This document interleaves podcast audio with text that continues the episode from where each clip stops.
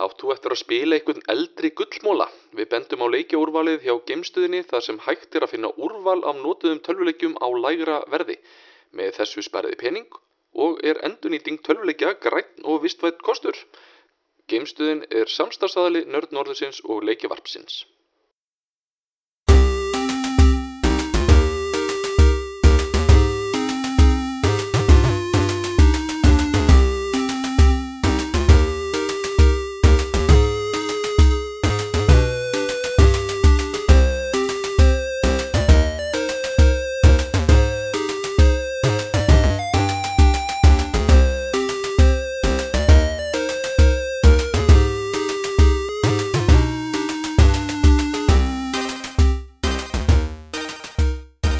Komið sæl og blessu og verið velkomin í leikjavarpið. Daniel Rósikrans heiti ég og með mér vanda eru þeir Jarki og hinn Daniel og hinn Daniel verðið hjartalega velkomnir. Uh, Já, þetta er bara fyrsti þáttur hérna ásins, þar segja 2022. Gleilegt nýtt ár. uh, Já, gleðilegt nýtt ár. Gleðilegt í dag. Það er búið að vera svolítið pása hjá okkur, uh, náttúrulega. Það er náttúrulega jól nýja árið á milli og svo hérna náttúrulega búið að vera lítið í leikjafréttu hér á milli, en þetta er samt góð þáttur í dag og hérna, já, ef við ekki byrja, ég skal svo, jú, maður, ég, svona, að byrja því hvað maður hefur verið að spila. Uh, Ég, uh, persónulega, ég kláraði hérna Control sem ég mæli mjög mikið með. Það var allt öðru sem ég veginn var búin að ímynda mér að sjá, hann er svona uh, eitthvað svona Dark Souls svona feelingur í honum, það er að segja að maður þarf alltaf að passa ef maður deyr, þá missum maður aðeins mikið af einhverju svona hrófnum Ég hef aldrei heyrt Control og Dark Souls í sem setningu verið Nei, þú veist, ég er bara að tala um, þú veist, það soul point, þú veist, þú deyrð missir 10% Já, fyrir já, og, og þarf það hérna, þannig að lætu ekki campfires, en þú veist, þetta er mentilega svona, svona control point heita þér til að geta hana, fastrafla milli, þannig að það svona var eini kannski samlíkinni og svo er ég núna að spila hérna Horizon Zero Dawn hérna, upphittun fyrir hérna uh, hvað er að segja, West, uh, Forbidden West Já, ég er pælið að gera svipaðin í sjálfur 17. februar og ég verð að segja ykkur, þetta er fyrsta skipt sem ég spila leikinn í 4K minni mig. Ég held ég hef ekki gert það, ég átti ekki 4K sjóum þegar ég spila hann fyrst. Og með HDR og öllu Átti er leiknum frábært. Og núna á PlayStation 5, 5 útgöðinu þá komið hérna 65 ramar segundu og þetta er, vá, þetta er fyrir með þessum fallestu leiki sem ég séð þar að segja með Ghost of Tsushima og Ratchet Clank, þá bara er þetta er bíluð, bíla fallið verið maður bara, vá, þú veist, sjá hann í þessu ljósi. En nú það, Bjarki, hvað er þú búin að vera að spila? Herðu, það er uh, svona, to-go-leikurinn er uh, FIFA 22 en þá þannig að maður svona grípur í hann af og til en, en svona, svona þessu utan þá spila ég Death Store. Sem sagt ekki Death Store eins og hljóma svo oft þessu sé að segja. Heldur Ég hef Death Store, já. Þannig að döðar styr eða eitthvað, ég veit ekki hvað að segja það er svona indie-leikur sem að hérna, já, maður náðu ekki alveg að spila á árunu eða ég reyndar spilaði hann í desember sko, en hann var alveg mjög bara skemmtilegur og ætla með mitt að fjallum hann fjallum hann aðeins setna, en svo var það svona sitt lítið að hverju, eða segja setna í þættunum seg en svo var það líka bara sitt lítið að hverju maður greipa hans í Just Dance líka í jólafríinu bara svona eitthvað bland í pókaði mitt spila hérna kona mín hendi mig út af, út af hérna eiginni í, í Animal Crossing gerast það bara nú að byrja í jólnýjans Já, og hún fekk sem sagt formlegt leifi að því hún held að sem sagt að því eigin okkur er full að ef hún myndi henda mér út af veginni að því ég er ekki að spila leikin og voru bara alltaf kakkalakur og kongulega við inn í húsuna mínu að ef hún myndi henda mér út úr leiknum að þá myndi flytja ný ný persóna inn á eigina en það gerði svo aldrei Já, ok. Þannig að leika fórna þannig að þetta er bara svona, já. Kannski vissum þetta allan tíman en var bara að losna við þig. Já, því? skapaði pláss. Þetta er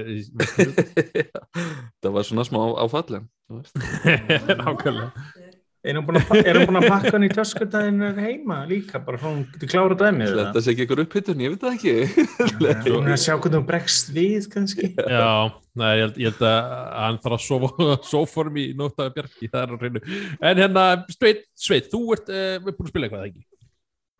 Jú, uh, ég er svona svipað eins og Bjarki, ég er búin að vera svona sýllítið í hverju en ég er mest búin að vera að spila uh, lítinn leik sem heitir Halo Infinite sem kemur fram í umræðinu eftir. Spilaði hann að kláraði síðan var ég aðeins að dabla í svona smá þemu. Var ég að spila Halo Wars, annars er ég eiginlega bara búin að vera búin að taka tossalistanni, ég var að spila svona DLC fyrir Assassin's Creed Valhalla og búin að eiginlega bara svona og kíkja á svona skemmtilega hluti sem eru Game Pass. Kíkti síðan á Emmett Horizon Zero Dawn á PC, mér sérst þetta á Playstation leik á PC-tölvu hún kipti hana á jóla útsölunni og ákvaðans að sjá hvernig greiði skjákort myndi gráta mikið að spila hann. Þetta er eins og hérna, þú segir PlayStation leikur á PC þannig að kom ekki hérna hafnaballarleikurinn mann ekki hvað heitir þetta á Eh, Xbox Game Pass? MLB, jú, Já, jú. og þá allir var, veistu á fyrskipti sem sást inn að Game Pass baka Já, PlayStation. PlayStation Studios á Xbox-tölvu, Já, mjög sérstæð Put a logo in it, set a logo Já, og sjá PlayStation, PlayStation leik upp í hillinni á Xbox ká- kápu Nákvæmlega þannig að en- Þannig að, já, þetta er svona, þú veist, milli jólun í bara er svona, sé, það er ekki nýtt að koma svona strax. Já, ég segi, maður er að fara gegnum tossalistan eða klára eitthvað, ég er með slatta á svona leikjum sem ég hef kift á útsölu eða Já. svona sem ég á eftir að spila eins og Desto líka, ég hef mitt pikkað henni upp og á eftir að spila hann sjálfur sko. Já, Já, maður nýtti, nýtti sér líka þennan hérna, afslátt hérna á Steam, maður kefti nú einhverja leikið þar sem maður nú enda eftir að spila samt. Já, þetta búið að vera afsláttur á öllum búum, þannig að ég- Story, þetta er bara vestlega fjóra leikið þar, einmitt, annað Death Store, hann var eitthvað ekki afsláttið, hann er að góðu verið 15 pundi, eitthvað svona. Já, ég eins og segi, ma- við erum svona nördarnir stundu fáum svona, ég fekk innegnir frá sumum jólugjöf og ég, ég nýtti það óspart þess að kaupa hluti á útsölu. Já, vel gett snild. En þú, namni, er þú búin að vera að spila eitthvað? Já, er, ég tók uh, Halo Infinite alveg í gegn í jólafríði Vel og kláraði bara, Vel uh, man ekki hvort það var nýjástag eða annan jánar sem ég náði að klára og, Það er að sprengja hérna, ég hef ekki tíma um þetta. Já, það var bara En ég sagði nýjast dag. hoppa inn á milli sko. Nákvæmlega, Þú Já, spilar hann á PC og- eða ekki, eitthvað? Jú, ég spilaði hann á PC og, og síðan er ég búin að vera að vinna í Inscription sem ég, sem ég ætla að tala betur um hérna eftir Ok. fáránlega áhugaverður og góða leikur. Ég er mitt búin að ég er bara búin að sjá trillunum og ég hlakkar hana, virkilega að heyra svona, þín eða svona upplifin á leiknum að því að hann er ekki allir eins og séð, bara, bara búin að sjá hérna, ég, ég hlustu annar hlaðvarp þú að tala um sko, veist, það er bara veist, þú vilt ekki segja mikið en þú vilt samt svona fá það til að spila hann og ég er svona, er ótrúlega fórhættin eftir það sem ég heyrðu en þið Já, hérna uh, eru báðir búin að spila Halo og, mér heyriðist þið svona áðan þið voru mér smá svona sikk og skoðanir á svona já, einhvern hluta að leiknum. Hvað, er svona, hvað fór í svona já, það fínasti hjá þér, uh, Daniel? Hvað svona, Já, sko, svo, svo við byrjum að tala það sem var svona gott við leikin byrja leikin þá eh, ertu með grappulúk bara strax af sem er æðislegt verkværi til þess að ferðast um og maður er húgt á þessu strax og ferðast um allt mappið og herbyggi og allt bara á þessu grappulúku og, og það er frábært. Segja að gerst maður í svona open world og landslægið og umhverfið þar ótrúlega flott. Og það er meira sem svona í leiknum tekur maður eftir, er svona heila með mjög gott þemalag. Eða ekki að heyrta það bara Spotify að skrifa heil og þým og, og hlusta. En þeir eru með þannig að eða ert komin upp eitthvað svona fjall og, ke- og þú svona horfir yfir og það er svona flott svona sólalag og eitthvað að þá kemur svona piano stef að því sem segir geggja Það er alltaf verið yngfinnandi við heilaði með piano dæmið. já, já, það kemur mjög flott. Geggja, en við hérna einmitt hérna, við rættum held ég mér langar að segja við rættum um hann í sísta þetta var það ekki, eða veist hérna, fóru svona varst það ekki, þú þú svona, svona að spila mest magna leiknum þá Aðeins já, sýttu var maður búin að, eins og segi, fjölspilunandi og til komandi út í nómumber sem maður búin að dabla í því á undan og síðan kom leik singleplayer parturinn út með 8. DS, svo já, við, já, þeir eru Já, alltaf, bú- já, þeir eru báði búin með hann, eða ekki jú, ég var kláðan bara fyrir það. Ok, hérna, já, og hvað, hérna, hvað var svona, heildur, hvernig listu ykkur svona, já, á heila bara svona yfir höfuð, svona. Daniel bara klára og get ég. ok, ok. áður, en þið segið álitið eitthvað maður er samt, þú veist, uh, Sveitin ég veit að þú ert Halo-gaur veist það ekki, Ég bara, já, ég meina, heil, ég man eftir að spila Halo upprænlega. já, akkurat, og fílaði þá í klassu Já, ég, ég man eftir þetta var makkleikur, allt saman, sko. Ég er búin að fylgjast með til lengi. en, en þú, Danni er þú svona, þú spilaðir Halo veit ég eitthvað, back in the days, en varstu mjög mikill aðdáðandi gam, gamlu leikinu ég, Nei, ég spilaði heila þrjú alveg slatta. Ég spilaði alltaf sögurna og spilaði multiplayer alveg í gegn sem spilaði Halo ODST man ekki hvort ég kláraði hann eða ekki. Þannig að ég verði ekki verið svona inn, innleiksaður í söguna eða eitthvað svoleiðis. Alveg ekki eins mikið eins og sveit uh, en það sem ég hefði, já, allar að með á, á þess að vera að skemma eitthvað, söguna eða eitthvað. Það er fyrir mig sem var ekki alveg 100% inn í sögunni þá var þetta rosalega það þurfti að hafa gott ímyndunar þess að reyna að fylla inn í eigðunar ég er búin að að heyra það mitt svona, mitt svona það fyrir það sem er búin að vera að spila heilu vist, lengi, svo kom alltaf löng pása. Og, og, og ef þú veist ekki alveg með nótunum hvað karakter var hvað, þá varstu bara, hm, býtu, hver er þetta aftur? einhvern veginn svona, þá þurftum svona að rannsaka það og, og ég tala ekki um það uh, að, þetta er náttúrulega framhalsaga þannig að þetta er Jú, náttúrulega þetta en það er líka eitt annað og jafnvel fyrir heila svona, svona fólk sem er mjög inn í seríunni þá er jafnvel ég lendi líka vegna þess að þetta er ekki beint framhald að Halo 5 þetta er ekki beint framhald að Halo Wars 2 stratiðegnum þess að Ah, sagan ok. þar leiðir inn í þennan leik það er að skrifna við það. Þess að það eru verið að vísa stundum í atbyrði sem gerðist þar. Þannig að jafnvel, þess að fórst bara beint við Halo 5 yfir þennan. Þá eru elements að vantar eins og þeir eru bara að það er með lítið vídeo í byrjunni mm, sem hefur svona recapa vissa parta. Já, það hefði hjálpað rosalega til. Ég meina, jafnvel ég var svona stundum að hugsa tilbaka. Veitu, hvað gerist þarna? Veist, og ég er samanlega vel að mér held ég í þessu öllu saman. En Er, er, þetta, er, er þetta þannig þá, þú veist, að, að, að sögurþráðin er bara pílu svona klóra sér í hausnum dæmi á köflum, svona býtu, ha, hvað er að gera sko, þér? sko, þú ert ekki eins invested kannski á vissum köflum, ég get svona skilið það, jafnvel ég get, þú veist, séð það, þú veist, þessi villan sem þú varst að eiga við, þessi svona karakter að margir banist, komu upprænlega fram MD Halo Wars 2 leiknum. Að það hefði aldrei verið kynnt í neinum heiluleik fyrir en þá. Að þú veist, leikmenn sem eru að hoppa inn í þennan leik hafa aldrei séð það áður þeir aldrei spila um strategileikin. Mm, Já. og, það, og það var aldrei tekið eitthvað svona vikið Já. þáttur sem segir Eins og segi, það van- að núna hitti ég þig aftur við það síðast, vantar það og þetta síðan er gerist. að- það og var aldrei síðan er, sagt og síðan er karakterin að referensa atbyrði sem gerðust áður en þú hefur aldrei séð og það er kannski veikleikin svolítið þarna finnst mér og ég get alveg saman því að það er svona hefðmót hlývísli og heil og eitthvað svona bara lítið vídeo sem hefði eitthvað gert gefumunin já, bara en Já. það sem svona fór, fór eh, mest í mig var sem sagt hvað maður segja, loka parturinn á leiknum sem sagt gameplayið í loka parturinn á leiknum já, mm. þá er maður þannig sem komin inn í eitthvað svona eitthvað ákveðna tegunda byggingu Mm. það sem allt er bara svona málm umhverfi og þú ert bara í þannig börnum, þú ert í stóru þannig herbyggi, dreifur alla ferði, ferði eitthvað, eitthvað gang ferði í aðeins minna herbyggi þannig Mm. dreifur alla áfram. Aftur stórt herbyggi, dreifur kemur eitthvað cutscene og síðan bara repeat nákvæmlega þetta svona átta sinnum átta nýju sinnum.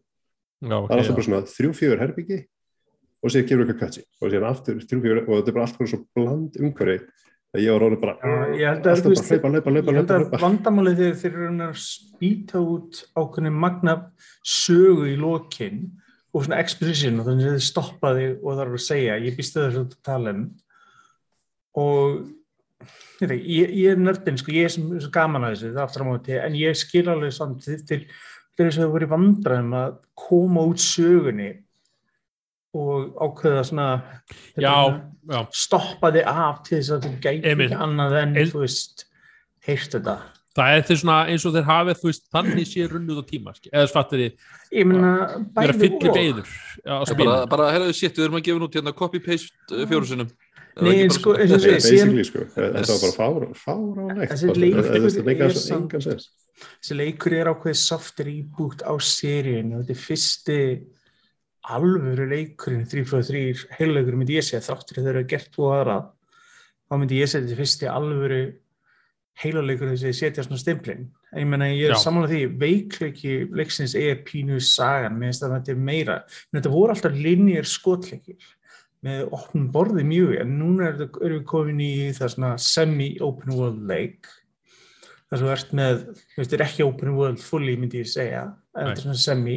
Og síðan er- koma svona kaplar eins og Daniel talum sem eru neðanjarðar og eru byggingum og svo leiðis þú sér þetta með þess að það kemur loading screen inn á milli og allt svo leiðis þannig að þetta er já, ég segi, en ég persónulega, ég hefði rosalega gaman bara af leiks, ég samanlega ég fannst endakallin ekkert eitthvað frábær ég var ekkert að elska þann part síðustu tveir endakallinu voru bara svona, neða Já, nákvæmlega. Mér, mér fannst það bara umhverfið í öllu þeim parti í leiknum skemma, skemma út frá sig bara í restina af leiknum. Ég veit ekki, ég, þetta er einhvern veginn bara, þetta er allar þessar byggingar sem hefur verið í heilauginu frá byrjun samt.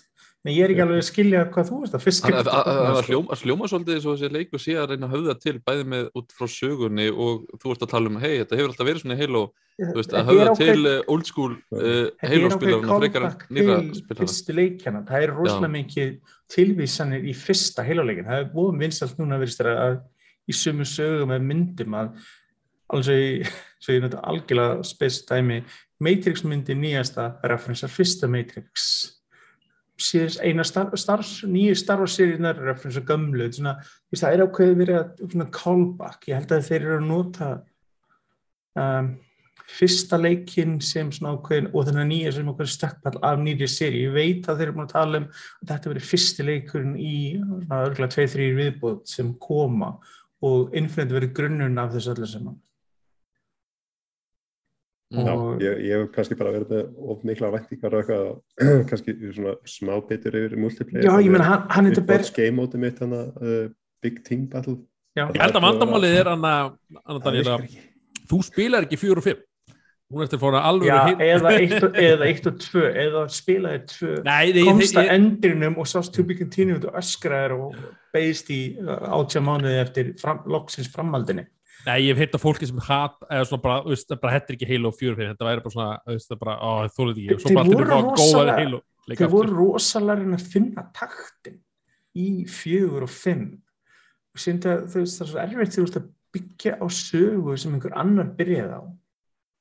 Og það setja því svona Ok. flækju vegna þess að þú ert að að klára og þeir, það var nokkuð ábyrndir voru að að klára flest alla rauði þræðina úr eldri leikjónu svo þau geti byrjað á einhver nýju. Þannig að þeir voru ekki lengur bundnir næsta. Ég, ég mun gera miklu starri vendinga til næsta leiks, ég skal loða því. Voru, miklu- voru, voru einhverju miðlar sem að veldu þennan þessi leik ársins?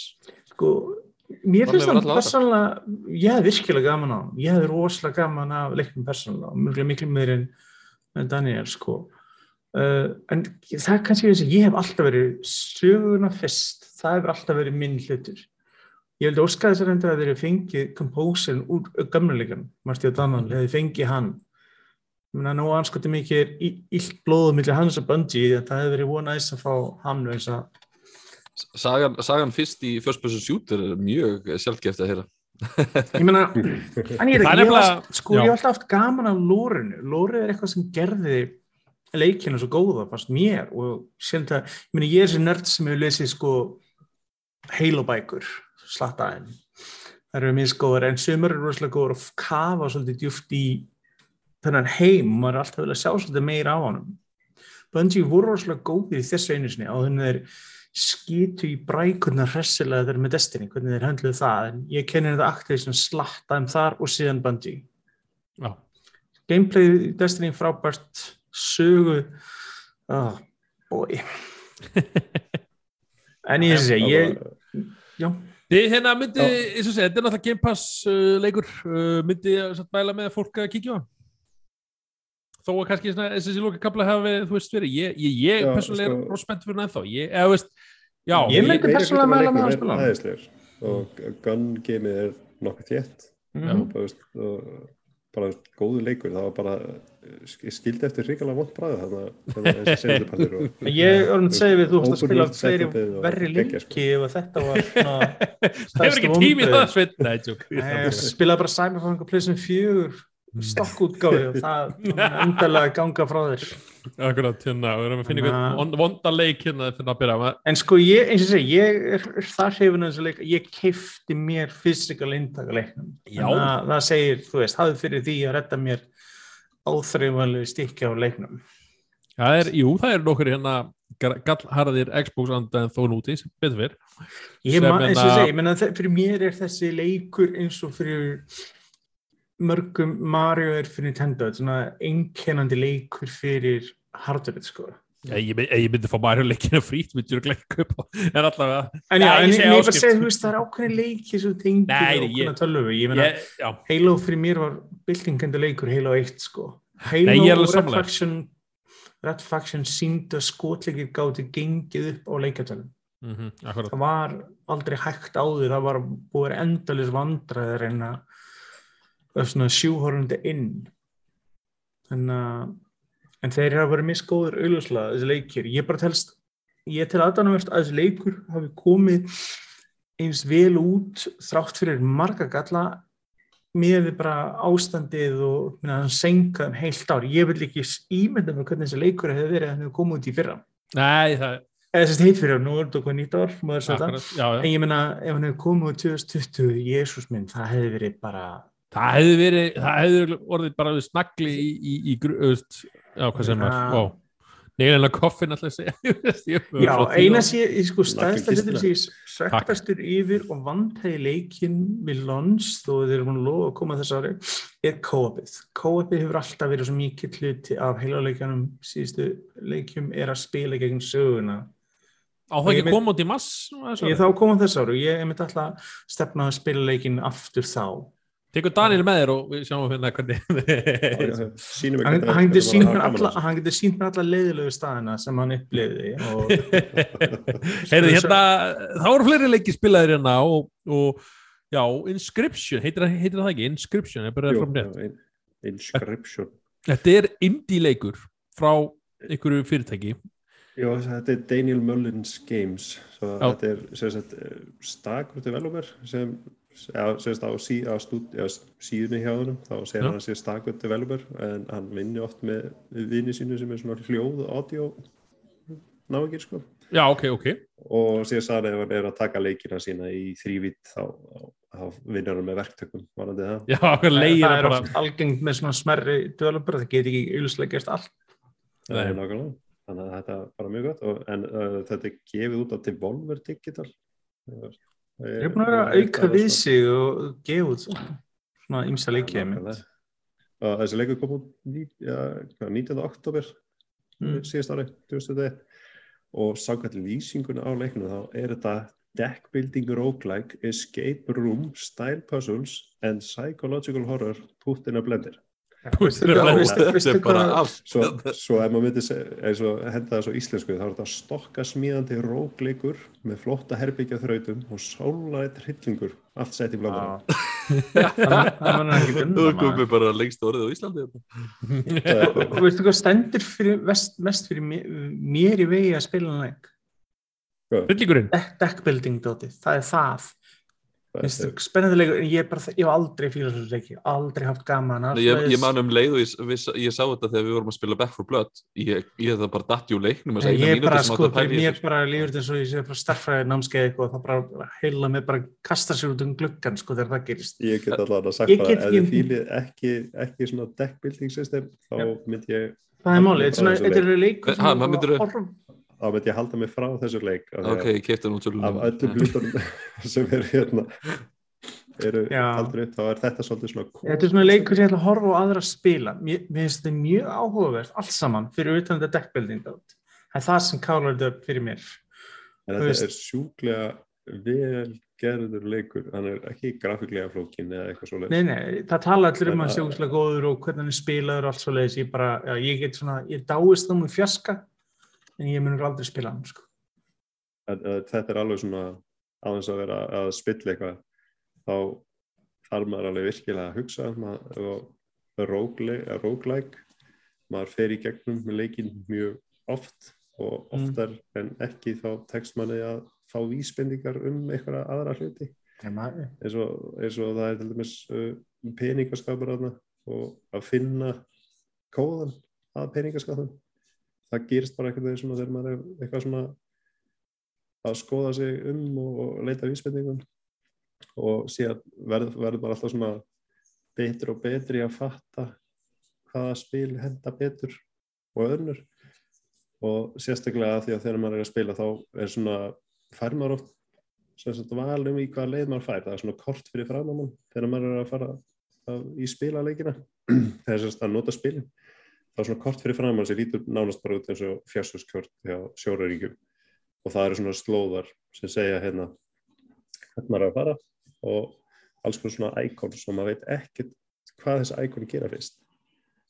Og maður, þannig að maður veit ekkert svona ok, ég veist ég get varlega að fara tværleðir hérna er mynda á hauskupu og hérna er mynda á spurningamerki, hvað, hvað þýðir það? Síðan velur spurningamerki og það segir kannski að þá fara að velja einhver spil en síðan kemur og ítir á eitthvað annað íkon næstur átt að gera og þá þá lendur í þannig að þá þarf það að henda einhverju spil úr stokkniðinu eða þú byrjar að fá einhver spil sem eru bara ekki góð. Síðan er maður alltaf að sagt, að eh, spila á móti þeim sem á heima í þessu húsi. Og þetta er í rauninni svona umgjörunni basically þú ert fastur inn í ykkur húsi með ykkur nága þú þarfst að spila eða komast að lindamáli, ég veit ekki hvernig maður kemst út, það er ekki að þá, ég er ekki búin að segja leikin en þú ert semst að keppa við hann til þess að reyna að komast út úr húsinu. Okay. og roguelike elementi kemur þannig basically að þegar þú tapar þá er semst að hvað er það? Þá er búið til spil af þér sem þá sem þú getur dreyið næstur út að spila sem þú veist næsta fórnalabið Þannig að koma alltaf ný spilirinn í bunkan því ofta sem þú deyð uh, Já, þannig sé. Já.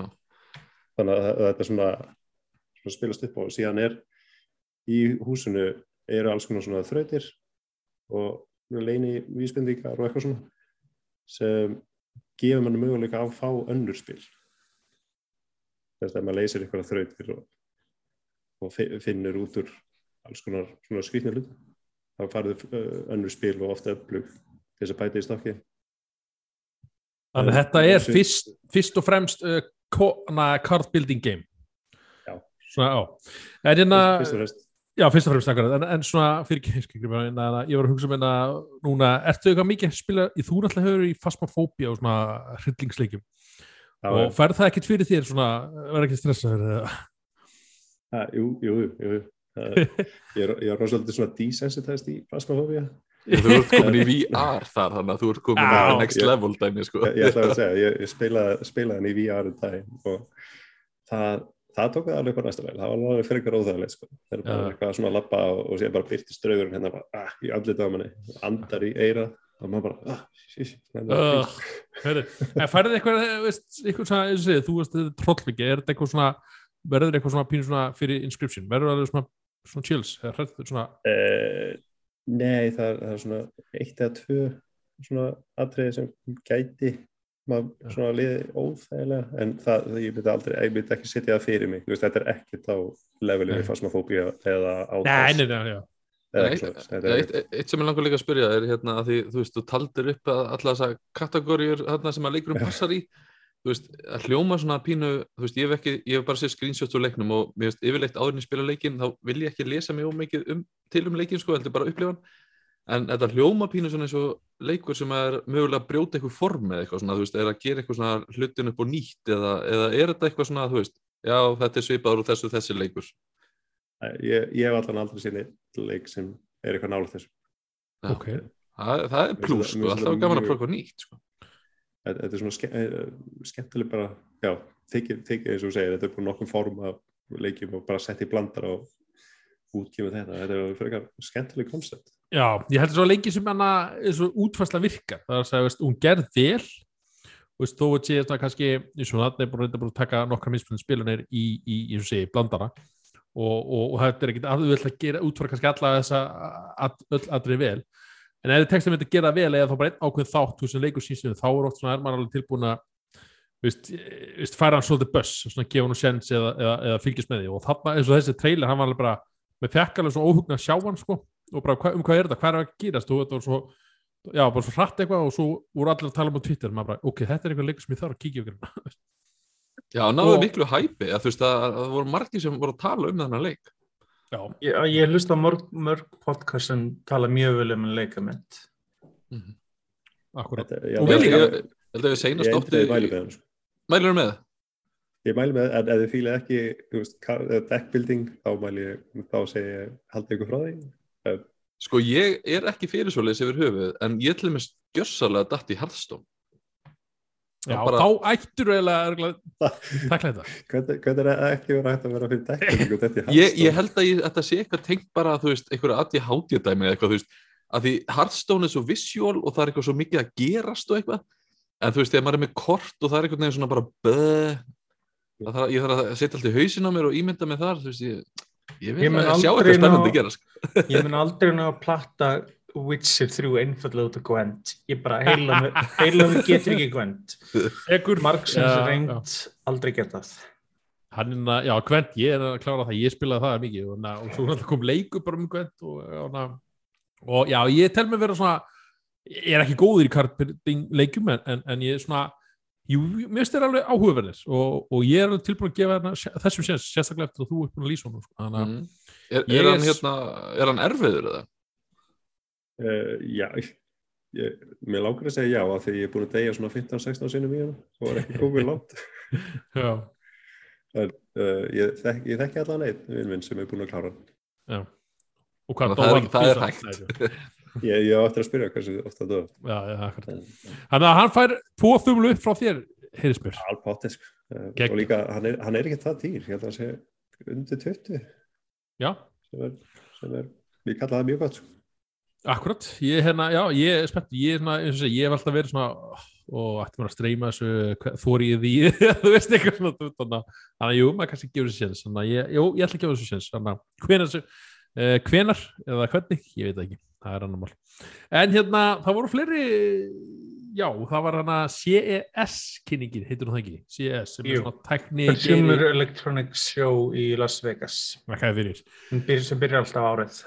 er? Sem sem. Akkurat, ég, veist, ég, ég er svona, ég la, fann ég sé hættur að fylgjast með, ég, ég er bara, maður fær bara buzz á Twitter og, og hér og þar, bara Er þetta miklu meira tech-sýning en nokkuð en þetta er spenntur nýju sjónvörpum eitthvað slúðis. Þá Er- er er- þetta vanlega dæmið til að fylgjast með. eitthvað sem Já. að tæknivarpið coverar bara Mm. já, já, Já. vissulega, þeir eru bara Já. póðið 100%, þannig að endilega tjekkja tækniarpinni, hérna, frábærir eh, dúta þar, Já. og hérna, tækniarpinni, ég var að tækniarpinni, þetta er leikjafar, já.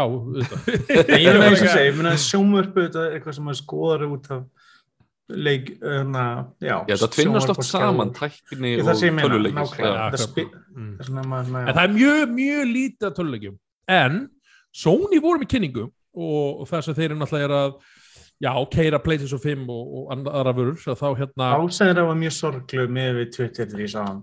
ha, Básin þeirra, hún var mjög sorgluður og mannlaus. já, það er ekki búin að COVID eða? Nei, ég veit ekki, ég segi svo. Nei, nei, hérna uh, já, það var þeir kynntu hérna PlayStation VR 2 fengur loksins nafn. Ekki nafn, já. en bættu bara tvö, þetta er eins og þegar voru kynntu hérna PlayStation 5, við erum með nýtt logo við erum að sína ykkur.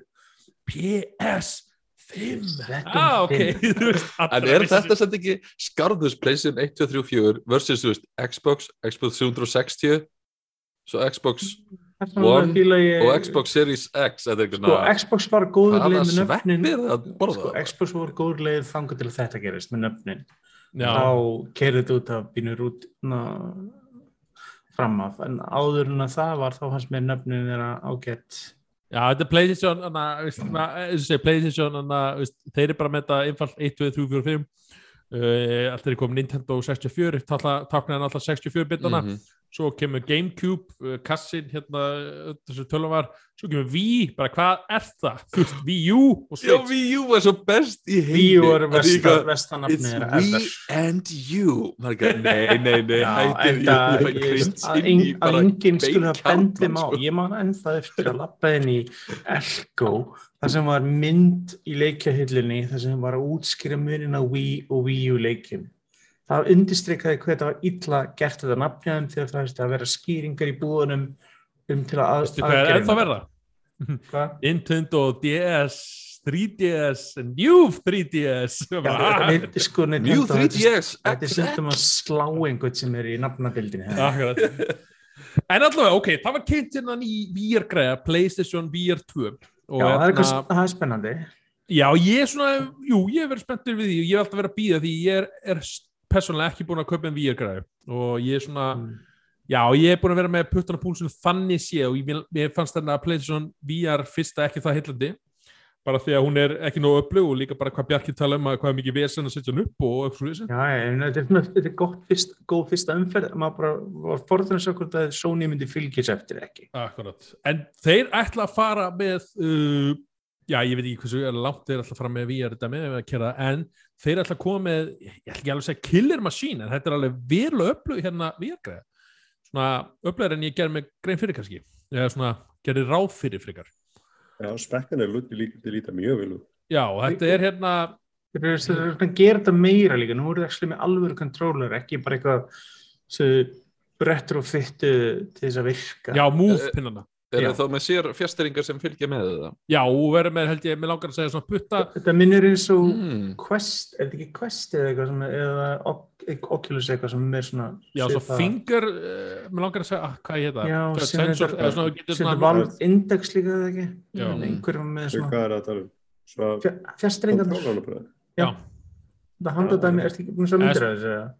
Það, það kynntu Eh, það jú. uh, fyrir svona uh, nokkrum mánum alltaf, svona fjórum mánum þá fyrir að gáði mynd af því og, og já, þetta er svona eins og við alltaf reynda kynntu einn leik, Horizon leikin hana, Mountain Guy, ná, ekki Guy, svona, spin-off Call of the Mountain eitthvað, það var eitthvað svona, Mm. þannig að það verður spennandi að sjá það og, og þetta er alltaf verið að keirist í 4K núna og Já, ólíkt hérna. hvort þetta sé 4K eða 4K upscale Já, ég segi þess, þetta er En já. alltaf betra en áður og, og það var að tala um 2000 eitthvað sinnum og ég sem ótt að vera ekki hérna blæði með mér hérna 2000 sinnum eitthvað hvað, 2000 per auga þá kan maður segja, Já, þannig að þeir eru að gera svolítið svona velvinsið þar og, og til að leysa hérna flækju stíði hérna eins og Bjarki en að hefur komið á þeirra þá verður bara ein, það verður snúra en það verður bara ein snúra sem fer úr held ég langar að segja allavega hjálminum og í Playstation 5 vélina það Og- er miðnum strax um held ég. Já, ég er samt núna, sko, að því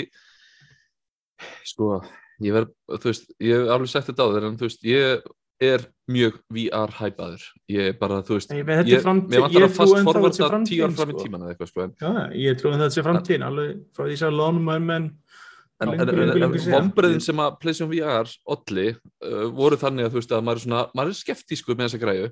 Og þú veist, ég ætlum mest núna strax er ég bara svona að hugsa ok, þú veist ef ég flækist í snúruna og ég eftir að tóka í PlayStation 5 törnun úr eða þú veist þú vilt geta fært þig aðeins um sko. Þetta er að gera bara eins og Xbox gerir með fjastreikanda sínar með breakaway kapal. Að los, losna frá í staðin fyrir að allt heila klappi fari niður. Ég letti einu sinni með PlayStation 2, það var var, hún fór í gólu út af yep. Xbox gamla OG með var með svona snúrur einhver var Æ, stök, stökka yfir snúrur eða fjastringar og Já. töluna með í gólið það bjarga mér nokksum Nice. vesen maður. Er Ég, ég er mjög hæpaður fyrir, fyrir að því að það komur svo mikið eða sem sagt að því að PlayStation 5 og Xbox Series X vilunar það var svo mikið, uh, hvað að segja, vöndun þá var ekki eins mikið frambáðað Já. þessi jólin þannig að VR kits sem bæði Quest 2 og bara önnu VR kits voru rosalega mikið seld þannig að það kom alveg stór bylgja af fólki sem áttu þetta ekki fyrir Já, sem er að koma inn á markaði núna.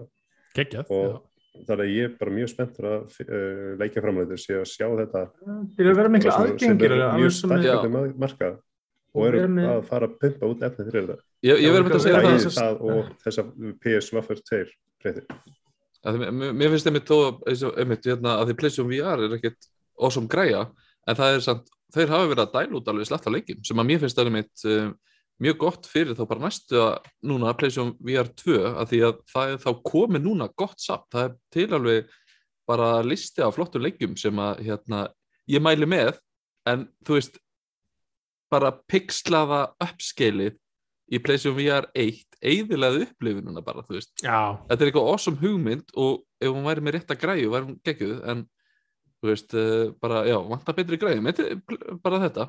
En já ég var, segi það var, það var eitthvað verð með sem að fylgdi með það Nei, en Nei. Nei. hvað haldið á munu kosta? Ég, ég myndi spyrja ykkur. Ég, en það, á Íslandi og útlandi 400 til 500 dólar ég, ég held að þetta er dýrst sko. Já, Þetta verður, þetta að verður líka- PlayStation Þetta verður aldrei en PlayStation 5 digital. Ég ekki segja, það er 400 Úff. dólar að þá er ég ekki að fara að kaupa þetta sko. 80 skall sko. Já, Na- ég held að þetta verði ekki gefins, ég held að þetta verði, mér að við nú, þetta við er settir svona 50 plus nýtt til Já. búð. Ég menn þetta verður alveg slatta dýrara, sko. Ég kaup Það þetta notað, einhvers þar Vegna þess að málega er það, sko, jafnvel þú veist, þú veist, að kaup, þú veist, þú veist að fá kontrólerana, ég veit ekki, verða myndavel með eða ekki. Já, reyndar ertu með kontróleruna aukarlega, það fylgdi þetta ekki uh, VR það- hinum ekki- pakkunum, það fylgdi- þurftur að vera með það pakkum Og það er þetta aðdáðan verðið. Já, og þú veist, er þetta stundum myndal, stundum ekki, svona, þú veist, já. Þetta er alveg samlega drjúi Þetta er pakki, allt sko. í þessu pakka. Það, þetta, er, þetta er þetta inside out tracking þannig að myndavelgar eru í headsetinu. Já, já, já. Reyndar, það er reynda mjög gott. það ég er mjög gott sko Það er hérna, þau eru með eye tracking já hérna, og svo hérna trakkar líka hérna uh, festringarnar þannig að vita alltaf hvað hendurninar eru staðsættar í leiknum, eiga að gera Mm. og, og gaman að segja því að þetta er hérna, þeir notast við hérna það DualSense, DualSense tæknina það er þess að haptic feedback sem við fá, sjáum í PlayStation 5 og alltaf notast það við Já, í hauslinaður með víbra núna. bæði, já, bæði í haus Já, það er næs, gott þú ert ekki bara ekki mýgrinn. Þú ert í hérna því electric chair og nú ert þú Já, Æ, og sínlega verðað með svona smell-o-vision, þannig að þú finnir lyktina þegar þú ert að brenna eitthvað svona. Akkurat. Eins. ég er hérna komin lista hérna, ég verð að, verð að gera upp hérna því að ég var að segja það er að segja hvað er í vélni það er náttúrulega stýr, nýr stýripinnar með PlayStation Anna VR2 eins og við tókum Sense Controller. Þetta mun keira 4K HDR það er að segja hvort það eru uppskiling eða eitthvað annað. Uh, Já, það rífur sambandi sem var með fyrstu kynslafina VR-dótinu sem var Mhm. hryllingur. 110 gráðu field of view uh, 2000 sinnum 2040 upplösn á hvora auga.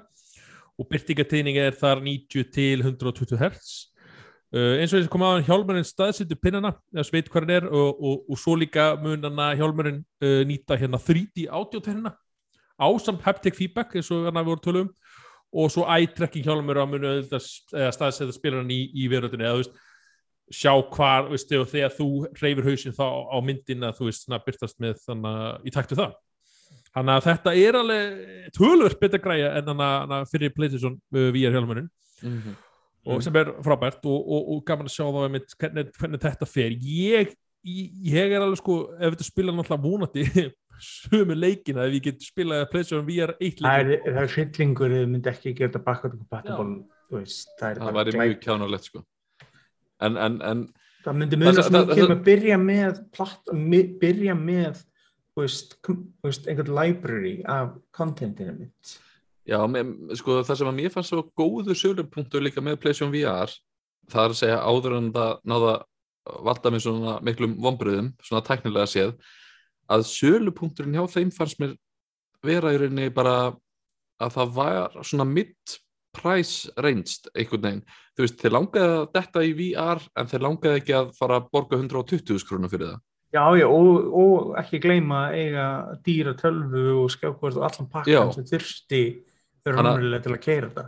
Þannig að ef við erum komið núna í, þú veist, dýran pakka, þú veist, jú, þú veist, tækninördin í mér vill prófa þetta, en Spurningin veist, á ég eftir hvað að Sony er tíma tilbúið að kaupa geta kostnað ef svo er. já, þetta er svona græja sem ég verið til að leia, eða þú veist, einmitt kaupa við eða fjóri saman hérna einhvern veginn og láta flakka á milli, þetta er ekki svona græja, Menna, við erum vel að vanna að spritta okkur og spritta hluti þess að miklu auðvitað spritta og augun vel. Og ekki au, í, au, í augunum sem ég fekk þegar ég fór í hérna, heimilistæki og var að testa ykkur víagræði og ég ég- sýking í augunum eftir að Mæli ekki með því. Það er, Ah, Það ah, ekki ég var ekki, ég var ekki, ég var hrjóna því það hljómar ekki vel maður. Nei, shit. nei, nei, Nei. nei en mann gefum þetta leksi að, já, Já, já. Það- En maður býður eftir verniðanum allavega, ég held að það sé svona alveg, sko ég er mjög Svona- spenntur fyrir þessu bara ég er spenntur fyrir VR alveg svo þú almennt þú veist, sko 40 skall, ég er bara all in. það er ekki Eh, sens 80-90 skall, ah, sko, ég ég, myndi, segja 69-9 út heppin sko Já, ef þú ert Já. heppin, ég samanlega þetta því. ef þetta svona- já, er svona 60-70 skall ég held að þú veist, já, Ó, vonandi ekki með Costco með þetta, ég er svo mikill sökkar fyrir Costco, sko. já, og líkunni hitt á mitt Cosmo Fire og það er, er, er að Þetta Það er verður spurningu ekki um framleiðslu af og þessu airfryer bara. með við, með við að nú er eftir að retta pleysin 5 tölum þannig í dag. akkurat. Það er rétt, það er rétt. Já, þannig að uh, það er gaman að sjá að Sony allavega tilbúin að halda þessu áfram. Ég veist, þú En ég var að góð hrettur um að þeir myndi pröfu þetta einu sinni og síðan gefast upp eins og þeir hafa gert með margt áður að þeir myndi ekki fylgjast eftir. Já, já, en Xbox er ekki með neitt eða hvað er núna? Það er bara Nei, PC þeir, nei, þeir eru ekkert... þeir sem ætlaði að pína þetta á allar notendur hérna á seinustu kynslu minnið ekki starterpakkan það með Xbox One? Það átti að Já, kaupa Kinect. Já, Kinect en, með- en það var þetta ekki VR, það var bara Kinect, en já, Já, það það var meira bara motion control Já, það var aldrei, aldrei döðu fyrir VR.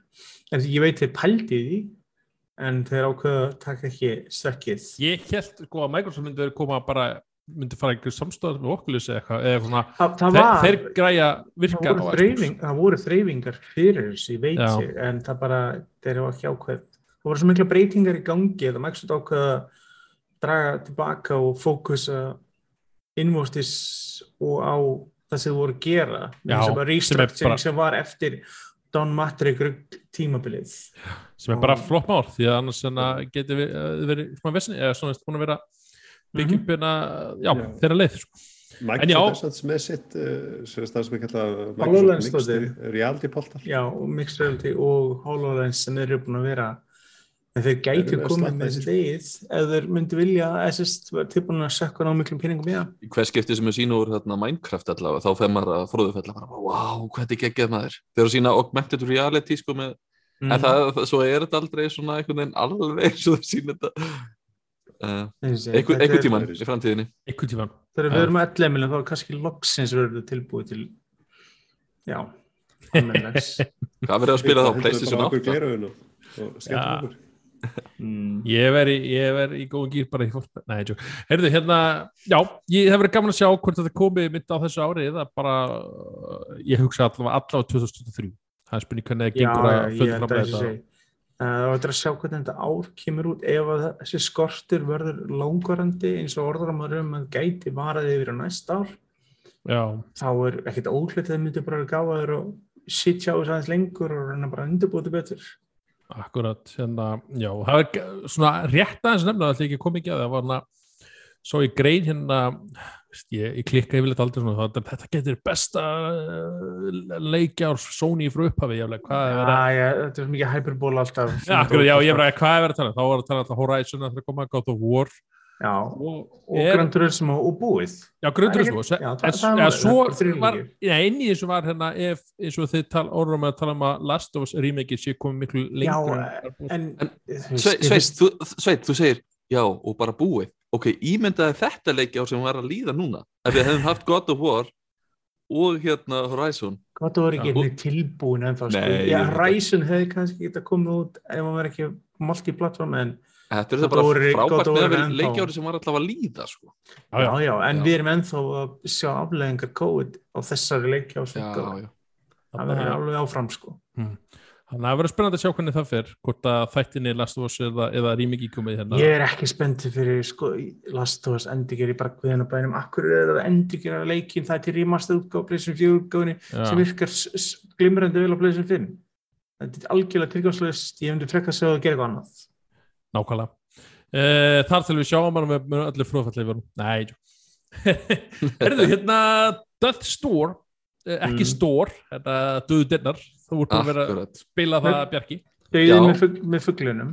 Já, með fuglunum já og hérna einmitt uh, ég man nú ekkert hvað, hvað hérna útgáfu fyrirtækið heitir uh, má ég sjá. Uh, það er hérna Acid Nerve sem að er sem að hérna byggu til leikinn og ég einmitt tók eftir því að það eru sami uh, útgefandi og af leiknum sem að hérna, þú Danni varst að segja frá aðan hérna Inscription Devolver, já. Já, Þeir eru, Devolver. eins og segi, þeir eru búin að vera auka útgáfu armið sér svolítið mikið. Já, þannig að uh, sem er svona svolítið heillandi við hérna, Asset Nerve fyrirtæki er að þetta er bara eitthvað einmitt tveggja manna indie teimi frá Manchester, bara eitthvað hei, við höfum búið til einn eða tvo litla leiki áður sem að, þú veist uh, fyrri leikurinn var hérna uh, hvað var það aftur? Titan Souls, já. Frá 2015, hann er svona sumir hafa heyrt á hann um, aðrir ekki. En uh, Death's Door er klárlega leikurinn sem að veist, þetta fyrirtæki verður þekkt fyrir. Uh, þegar við öruglega séðan þennan leik á einhverjum svona listum eins og með, með hérna, encryption og fleiri svona Ég keft hann bara út af því, mörguleiti út af þér, sko. út af mér, ok, það er bara Já. pressa Já, Já, ég er bara einhver uh, second hand sölumæður hérna Jep, en, en sko, ok þannig að hvað maður í leiknum maður er lab, eh, maður er kráka eh, mm. með eh, svona hálgert geislasverð en samt ekki alveg þetta er svona glóandi sverð eitthvað og þú ferð hérna þú átt, þitt mission er að fara í nokkra heima og sapna svona sálum. Og þetta er að gera fyrir yfirmanniðin sem er uh, stærri kráka og vinnur á svona st- skrifstofu við skrifstofuborð.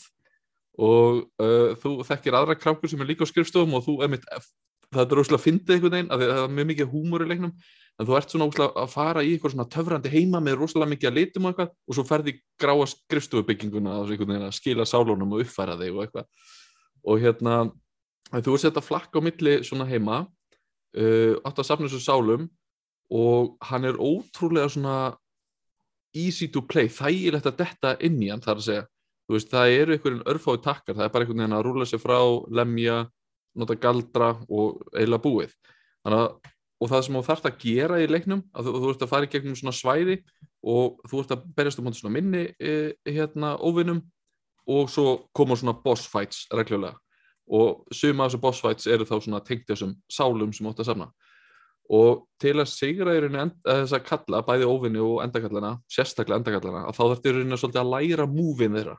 Það gengur svolítið út af það, það þess vegna kemur þetta svona semi-roguelike dæmi að því þú ert að deyja frekar oft þú verður hann sterkari, þú færi sálir sem þú getur hérna uppfærti með en þú lærir alltaf aðeins meira og meira á múvin og það sem að mér fannst alltaf svo fráhrindandi til þess við Dark Souls og marga roguelike leiki er bara svona mér líður oft svona eins og bara uff, er þetta verkefni bara of stórt fyrir mig? Ég bara, ég legg ekki í þetta.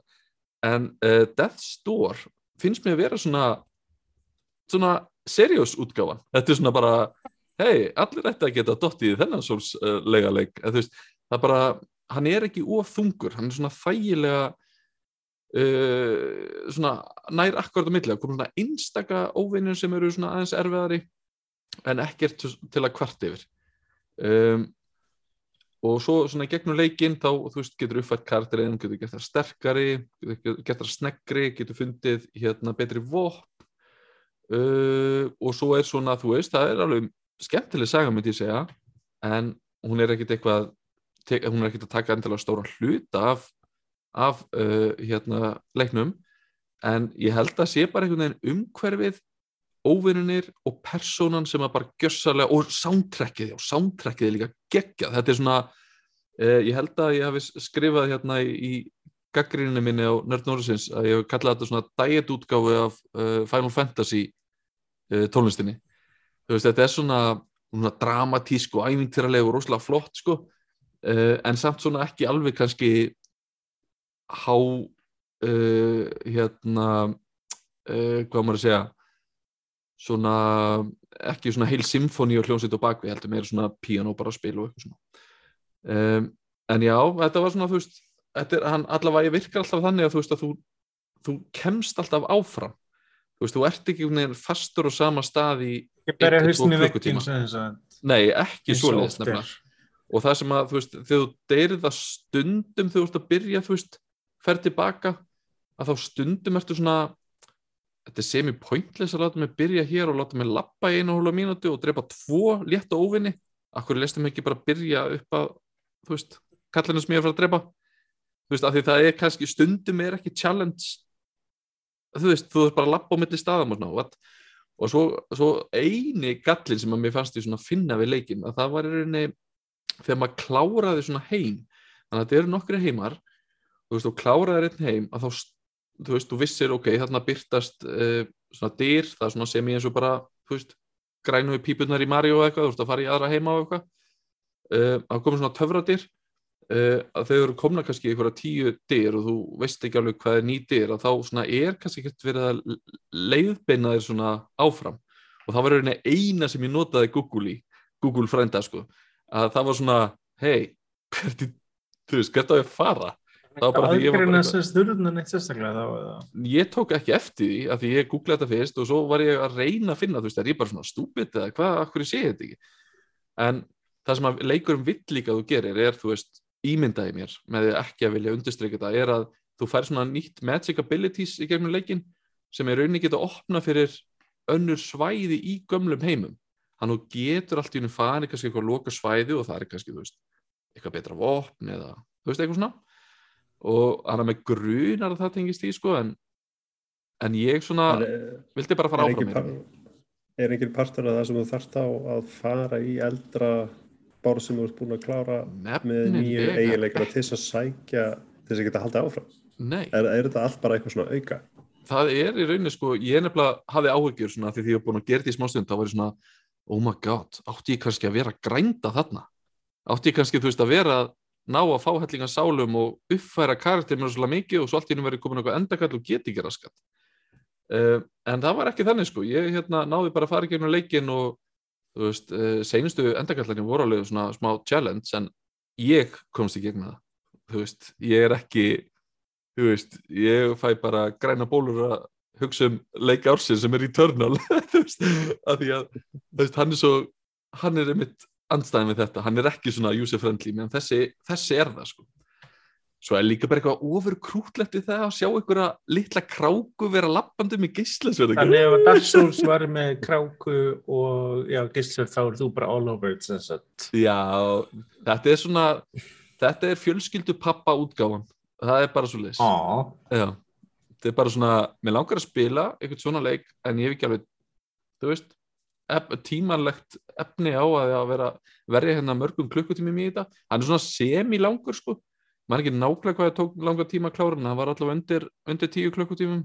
Já, og ert búin að klára þess að já, ég er búin að klára hann sko. og hann er bara svona þægilega skemmtilega hann er alveg þannig að ég myndi alveg vilja kíkja hann aftur og kíkja á lokuðu svæðin og finna betri vopn og bara það er eitthvað svona nokkur sidequests hér og þar. Geggjað. Ég hérna kipta hann einmitt og ætlaði að byrja að spila hann meðan ég var að downloada held ég hérna, hérna Horizon Zero Dawn. Mm.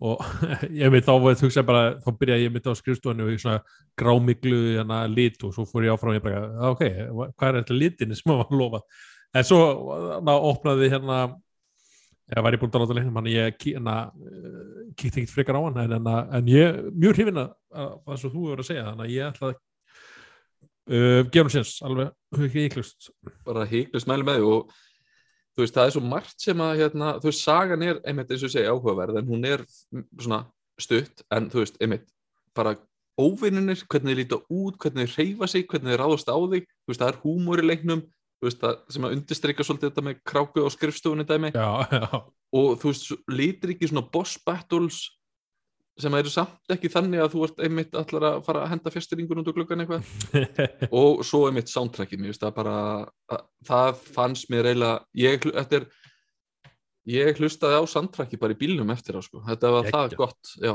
mjög gott ég er allir fyrir það sko þannig að ég hérna, maður kíkir á það Já. Þú veist fyrsta leikinn, svo það ekki hérna, þessi komin á visslistar hjá mér núna sko. Ég Já, að ég- hann er eh, og sé, við langar að segja að hann væri 15 pund í breskubunni á já, pleysin hann var eitthvað svo leiðis já. það er ný komin út, þannig að hann var ekki á, á jólarslutin uh, sem er alveg svona, já útskriðin fyrir það. En að, já uh, í3 digital eins og ég en að skrifa hjá okkur.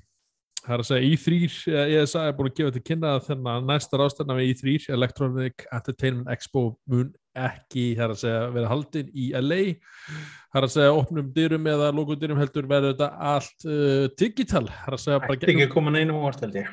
uh, uh, nei. Það er hérna svo, svo sem ekki ég myndi segja það. Ég, ég hérna ekki þriðja ég, skiptið eða? Já, eða ekki. Jú, held það. já. það er bara já, það er eina sem ég set spurningamerki á það sko, jú, jú, það var hann að yfirlýsingi var það náttúrulega óvissusti í bandagjörnum með Omikron Mhm. sem er vissulega rétt sko hana, og, og, og þetta bara, veist, þú veist ekki hvernig þetta verður bara eða hver er nýja breið og, og, og halda svona viðbur á stærða í þrýra að annarkvort og bara bara með við að smittulur í bandrækju nú og það er ekkert sáðan sín á miljón manns greindust á einum degi. nei, nákvæmlega Það er bara glapraði frá að Mm. halda það er ein, eina sem ég set spurningamerki við það samt sem tengist ekki í veirunni sjálfur er að, er að mér, held mér las, las á Twitter og hvað var að tala um sko að það var, það svolítið síðan anna, anna var ákveðið að anna ekki halda digital þó þau voru ekki búin að gefa þetta kynna en, og, en public enna, veist, sem var, var svo líst þetta því væri hérna uh, út af veirunni. En kannski hafa það verið undirbúningur ég veit ekki en kannski ekki bara ekki vilja að taka sjensin eða eitthvað þetta er alltaf eitthvað svona. Þannig að ég myndi ekki hérna leggja mig færð til bandarækja til að fara eitthvað kynning eða ef þetta var ópið þannig sko. Þannig að það er líka ekkert eitthvað gott PR mú að fá að heyra að þú, þú sér með eitthvað svona super spreader event eftir. Já, í þrý, við drápum svona marga. Það er ekki eitthvað sem verður og ekki í heilu, nei. Ok, heyrðu þannig að já, en en að En talandu, þetta langast ég skjótaði inn í? Mér finnst þess að ég hafi mitt lesið um að í fanfest verði samt á, á þessu ári? Já, þannig að annan kemur í ljó Já, sem ég meina, þú veist, ég meina það, þú veist, auðvitað stefnaður á því. Hvað maður hvort það endist ég meina, Já, ég minna að ég hafi mitt lesið þess að frettir fyrir Omikron einhver daginn, komist í eðlilegt form aftur, ég veit ekki hvernig það verður en, verður okkar eðlilega formingi bara í digital formi? Places of VR Já, nema, nema, nema þeir eru náttúrulega ekki á hérna í því í, me í Metaverse. Metaverse Já, þetta Nei, akkurat, nei, takk.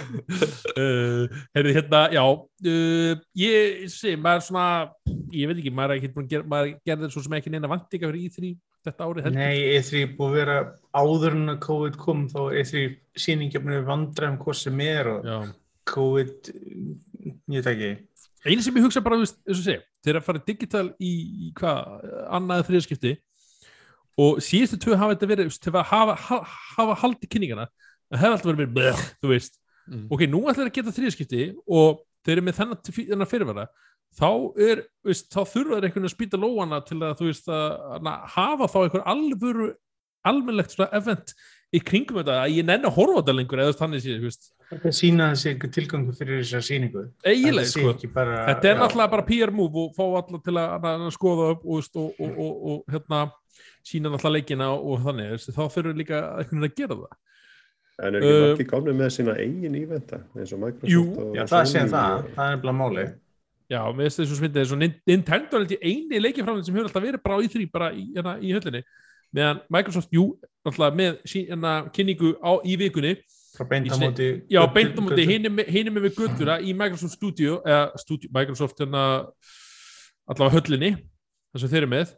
Og, og, og sagt bara, hei, við erum í þrýr þú veist, svona, veist, komið inn með göttuna við erum það, nei, nei, þannig að þessi, að, og, og svo náttúrulega voru EA fóru að langt sér, þeir fóru eitthvað annað, veist, þetta var bara og náttúrulega PlayStation síðast, eða síðast, Já, það var fyrir þremur árum eða eitthvað sem þeir ákveðu að hætta því og hafa ekki komið aftur. En allavega uh, já, það er svona þa- ég veit ekki hvað, hvað þarf að gerast til þess að þú veist, uh, ég veit ekki það þarf að annarkvæmt þarf að leika að læna að vera svo gott í hausti eða vetur og það er að sína úr öllur eitthvað að maður svona eitthvað svona verður spennt fyrir, fyrir í því aftur af því að þetta var svona önnu jól fyrir mig bara fyrir fimm árum sko. það var bara, veist, það var bara, Bara wow, í því þú veist, það var bara, veist, það var geggjað. minna að þegar við, þegar við vorum að fjalla um þetta á Nörd Norðsins saman, þú veist, við vorum bara hérna, þetta voru vaktaskipti þar sem að við vorum bara hver tekur hvað og svo voru allir að spjalla saman á að- meðan og já, nú er þetta meira svona Ég er samt alltaf kona, þetta er svona ein vika árunni sem ég er ekkert í viðtals og öðru leiti ekkert mála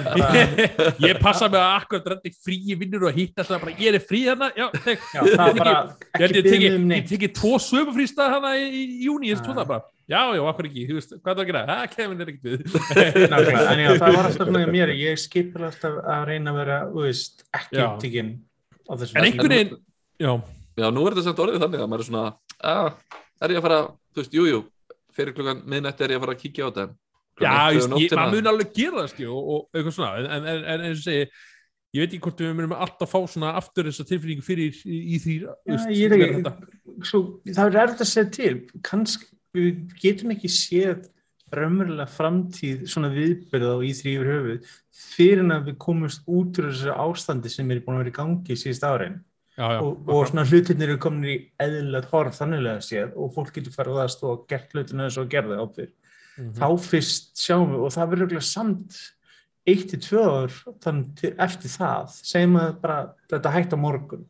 Já, fantasíin sem það er. Mhm. það myndi samtaka örgulega tvö ár fyrir dampin komast aftur í bransan þannig að þú veist, við varum að fylgja eðlu formi aftur. Já, já. Já, nema að þetta sé svona bara eins og með vinnumarkað sem er, þú veist, við erum mögulega að tala um að þetta sé ekkert endilega að fara tilbaka þessu Já, ég menn sem það eru ég kannski það- bara að fara að vinna meira heima og þetta verður þá það- kannski það- bara meira það- svona þetta- dreift þetta, þetta er bara opnum fyrir það en það verður Já. alltaf þú veist, á x hluti sem vinnur í stúdíu og allt svo leiðis en það verður þú veist, fólk hefur meiri valmöðuleika kannski núna líka hvernig það vinnur vinnuna sína en það er búin að þess að þú getur unni heima einhver dag sem kemur í stúdíuð og sem, þú veist, já meira ég- frelsi og vinnuna en að fjölskyldu og allt svo leiðis Alveg sem er jákvæða hlutur Já, kannski við einmitt með viðböruna því að þeir svona íttust und, eða, í, þetta ítti undir þetta var digital.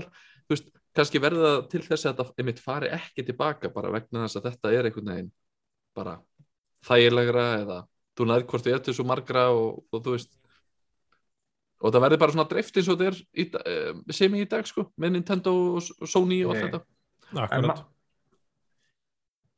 Hérna, já, svo er líka við sem segja, hvernig hérna, uh, að segja, Sony verða eflust með, áfram með sína kynningar í ágúst, september, það, það, það er bara með sitt lenar uh, ég í Nintendo með sitt direkt, Microsoft verður póðað með sína kynningu, spurning hvort að Ubisoft verður, þeir verður með kynningu, en það er spurning hvort að hún verður hluti af þessu eða, eða eitthvað svona, hvað heita, Uplay, Uplay, eitthvað, eitthvað, eitthvað, Það er ekkert ólíklegt að kynningarnir ára er mjög svipaðar í uppsetningu eins Já. það voru En svo náttúrulega, já, ferða náttúrulega allt eftir content, þú veist, það er að segja, þú veist, ég, eins og þetta var í hitti fyrir manni, þá var þetta, svo dreift hérna milli mánuð, þetta var svona, það, mér fannst það ekki eins heillandi, eins og fleiri, það var talað um EA voru þetta, og mánuðu setna, Ubisoft var uh, allir að gera hlutinni sikur og- hóttninu Já, veist eitthvað svona, mér fannst svona, já, að maður býði þessu, svo var bara kenningin sem bara, æjá, þetta var allt svona, ok, þannig að vera að fá þetta allt í gusu, þú veist, og einhvern veginn og, og það segja, var að það sem þetta var gerði góð, í þetta því var alltaf slæmt, spennandi var þetta alltaf, alltaf sama tíma. Þa, það sem að mér finnst aftur á móti meira spennandi við það, þú veist, ef ég, maður reynir að horfa á svona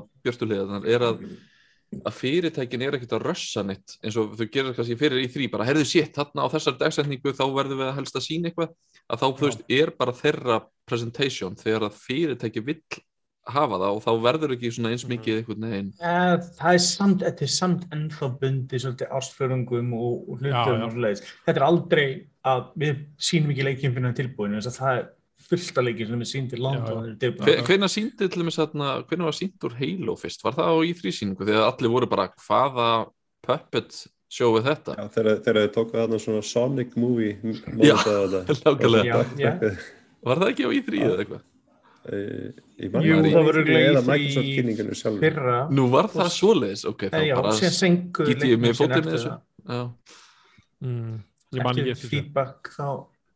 En mér finnst þetta alveg, mér finnst það satt alveg geggjað þegar, að- að það gefið út eitthvað svona og það kemur svona rosalega mikið svona viðbrað frá bara fél, eða sagt, frá fólkinu sem ætlar að, hefur áhuga á þessu ætlar að spila leikina að horfa myndina og allir eru bara, wow, hvað, hvað er að setja, hvað er þetta?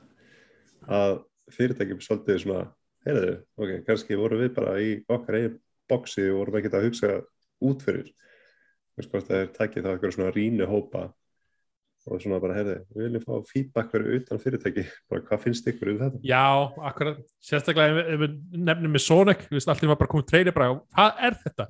Þú veist, er, að, því, að það leið svona, jú, það leið eitthvað hálft ár frá myndin en, en, en það, var, það hljóta hafa verið til tvær útgáður honum og einhver hópur sagði bara þetta og annar hinn hópur sagði, oi, þetta er ógæstilegt og svo þegar ég sagði ykkur það, þú veist. það var mjög creepy broadcast sko. Já, það var bara, var búin að gera svona mannlega það Nei, það var bara eins og fyrst Einhvern ég er að segja mannatennur og Já, maður er bara, var "Uh, hvað er þetta, þú veist. Ekki sem broadcast svona eins og í myndinni hérna Alien Resurrection fjóruð þetta var öruglega í svona einhverjum klóntanki hana til hliðar sem að sá. Já, Já, nákvæmlega. Svona strumpútgáfa af Alien.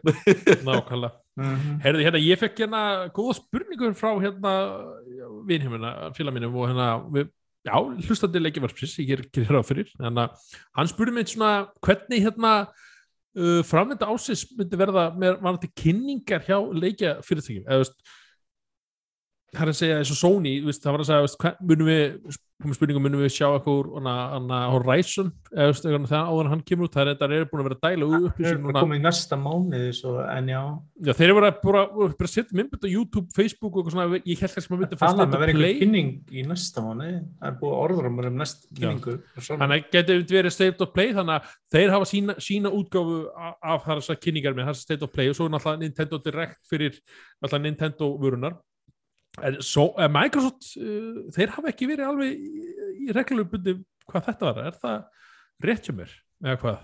Nei, ekki engin til, þetta meina ákveðna tímabil sem þeir eru Já, eða þá bara, þú veist, hvenær er svona að heyra leikjunum, er svona, þetta er alltaf verið að vera rosa st- stór íþrykynning hjá þeim og það hefur verið, þú veist, verið sitt og hvað er enna góðar, en mér finnst alltaf síðustu tvö ári búin að vera mjög flottar hjá Microsoft.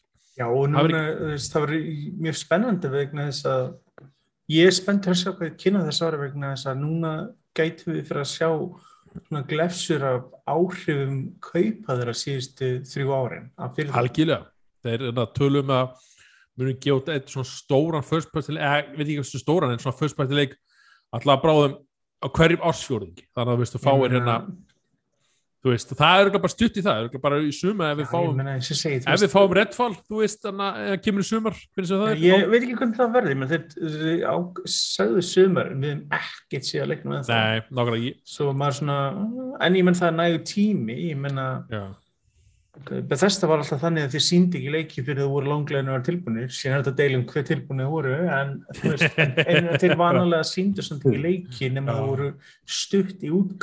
ekki það því, já, þeir gerðu það, mér fannst það mjög heillandi, allt er bara, herra, við ætlum að sína ykkur Fallout Svo- hérna fjögur, já. hann er komið það bara, Það, hæ? meina, það var bara kannski sex mánuður eitthvað frá Já.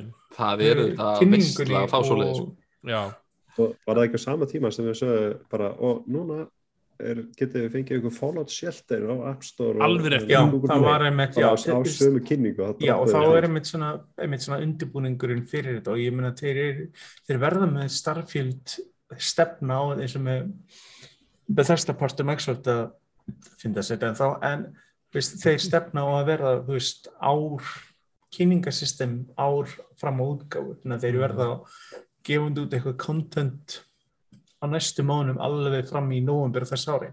já, þannig að ég- hugsa að þeir svona, allavega þessu ári munum við til að sjá eitthvað svona eitthvað Microsoft Direct, eitthvað svona, eða svattið, þú veist, svona, þeir, eitthvað eru með það, þeir eru með það mikið, þeir geta léttilega leikt sér að vera með bara algjörlega sýningu fyrir Akkurat, sín ég hugsa að þeir efni bara- eitt og já. sér. Hann, hann, hann endur með, þú veist, núna hafa verið með, eina sem hafa verið með, verið Game Pass, þú veist, svona, bara, bara, það er bara svona, PowerPoint glæra, bara, veist, hérna kemur, þú veist, þannig að þetta eru Game Pass leikir sem eru, þú veist, koma bara með stóri bara með hverju mánu, sem er, sem er. Þannig að, þannig að, jú, það er spennandi að segja, ég, og segi, þannig að, já, ég, ég hugsa það einmitt að þeir hafa munu eitthvað svona leið og leið og koma með svona, ok, þessi leikur kemur una, na, Q2, Q3, Q4, veist, þannig, að- og þá þess ársfjörn, hvað það segja, ársfjörn, og þá muni hérna, við fá að sjá svona meira svona vídeo um leikina, það er þess að stækt vídeo, ég held að vera ekki langt í það. Og það verður bara spennandi að sjá það, það er að segja gaman að sjá úr því. Uh, E3 Digital.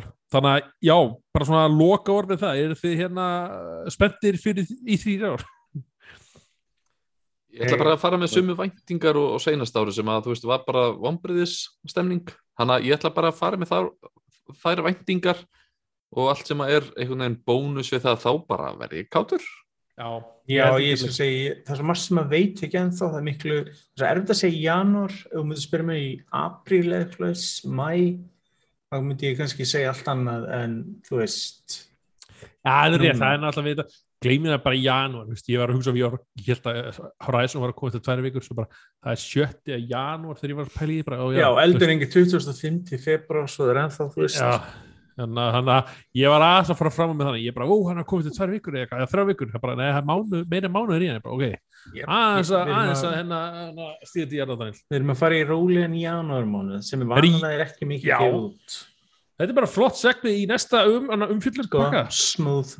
Við ætlum að tala um uh, uh, já, við ætlum ekki mikið nánar í leiki ásins, við ætlum að tala um hérna já, alvegslega hvað leikir er að koma út þar að segja á þessu ári þannig að Mhm. fylgsundur, þannig að Leikið 2022.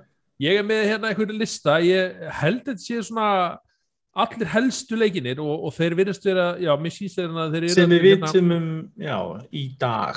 Já, í dag, það er að segja svona nokkuð veginn staðfest en sumir náttúrulega eru svona jú, búin að segja að koma út þessu ári og svo er ekkert en víst að já, við séum alltaf leikir sem við vitum að mun aldrei koma út vegna þess að, já, uh, það er hérna já, ég, ekkert- ég bara tók saman lista og, og, og, og þetta eru já, ég ætla að fara að rætta yfir það bara svona ganni, uh, það er náttúrulega Rainbow Six Extraction sem hann er bara fyrst, hann er svona klassiskur janúlegur og kemur, hann kemur 20. januar og kemur á Game Pass. Kemur á Game Pass sem er geggjað þannig að ég held að Microsoft við- og Ubisoft er að stefna eh, hvað samstarf virðist þeirra já, já, það lítur allt út fyrir það uh, já, hver- hvernig það mun hotta það spurning hvort það verður unni, verðin eða þú veist að borga aðeins ekstra fyrir UB-pakkan mm, já Ubisoft er búin að Eh, segja að það sögurðu minnst einhverju á netinu að þetta veri er ekki hluti af Game Pass eins og held EA Player held ég Nei, það. ég held að ég, ég get ekki verið að því að það get ekki verið að veist, bara geta bara dælt öllu peninginu bara Nei, og Microsoft þurfa bara hrjóðlega bara kaupa eða þess. Já, nákvæmlega. Herru, 28. januar kemur hérna Nintendo Switch leikur, kemur Pokémon Legends Ars, Ar Ar Arceus.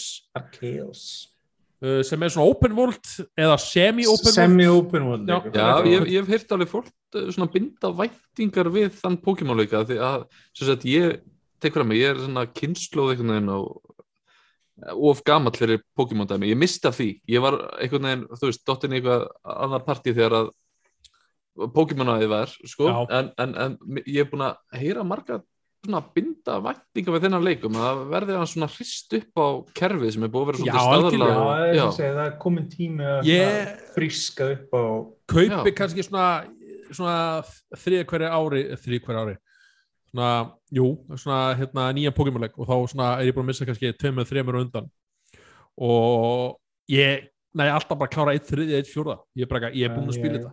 Þú veist það, þú Er er það að menna þá bara þetta er svona repetitive? Þetta er bara svona sama algjörlega, þetta er bara, þetta er bara sama stöfi það er einhver saga Ég- og, aldrei Gameplay- spila Pokémon-leik já, Jú, Pokémon Go, er það ekki?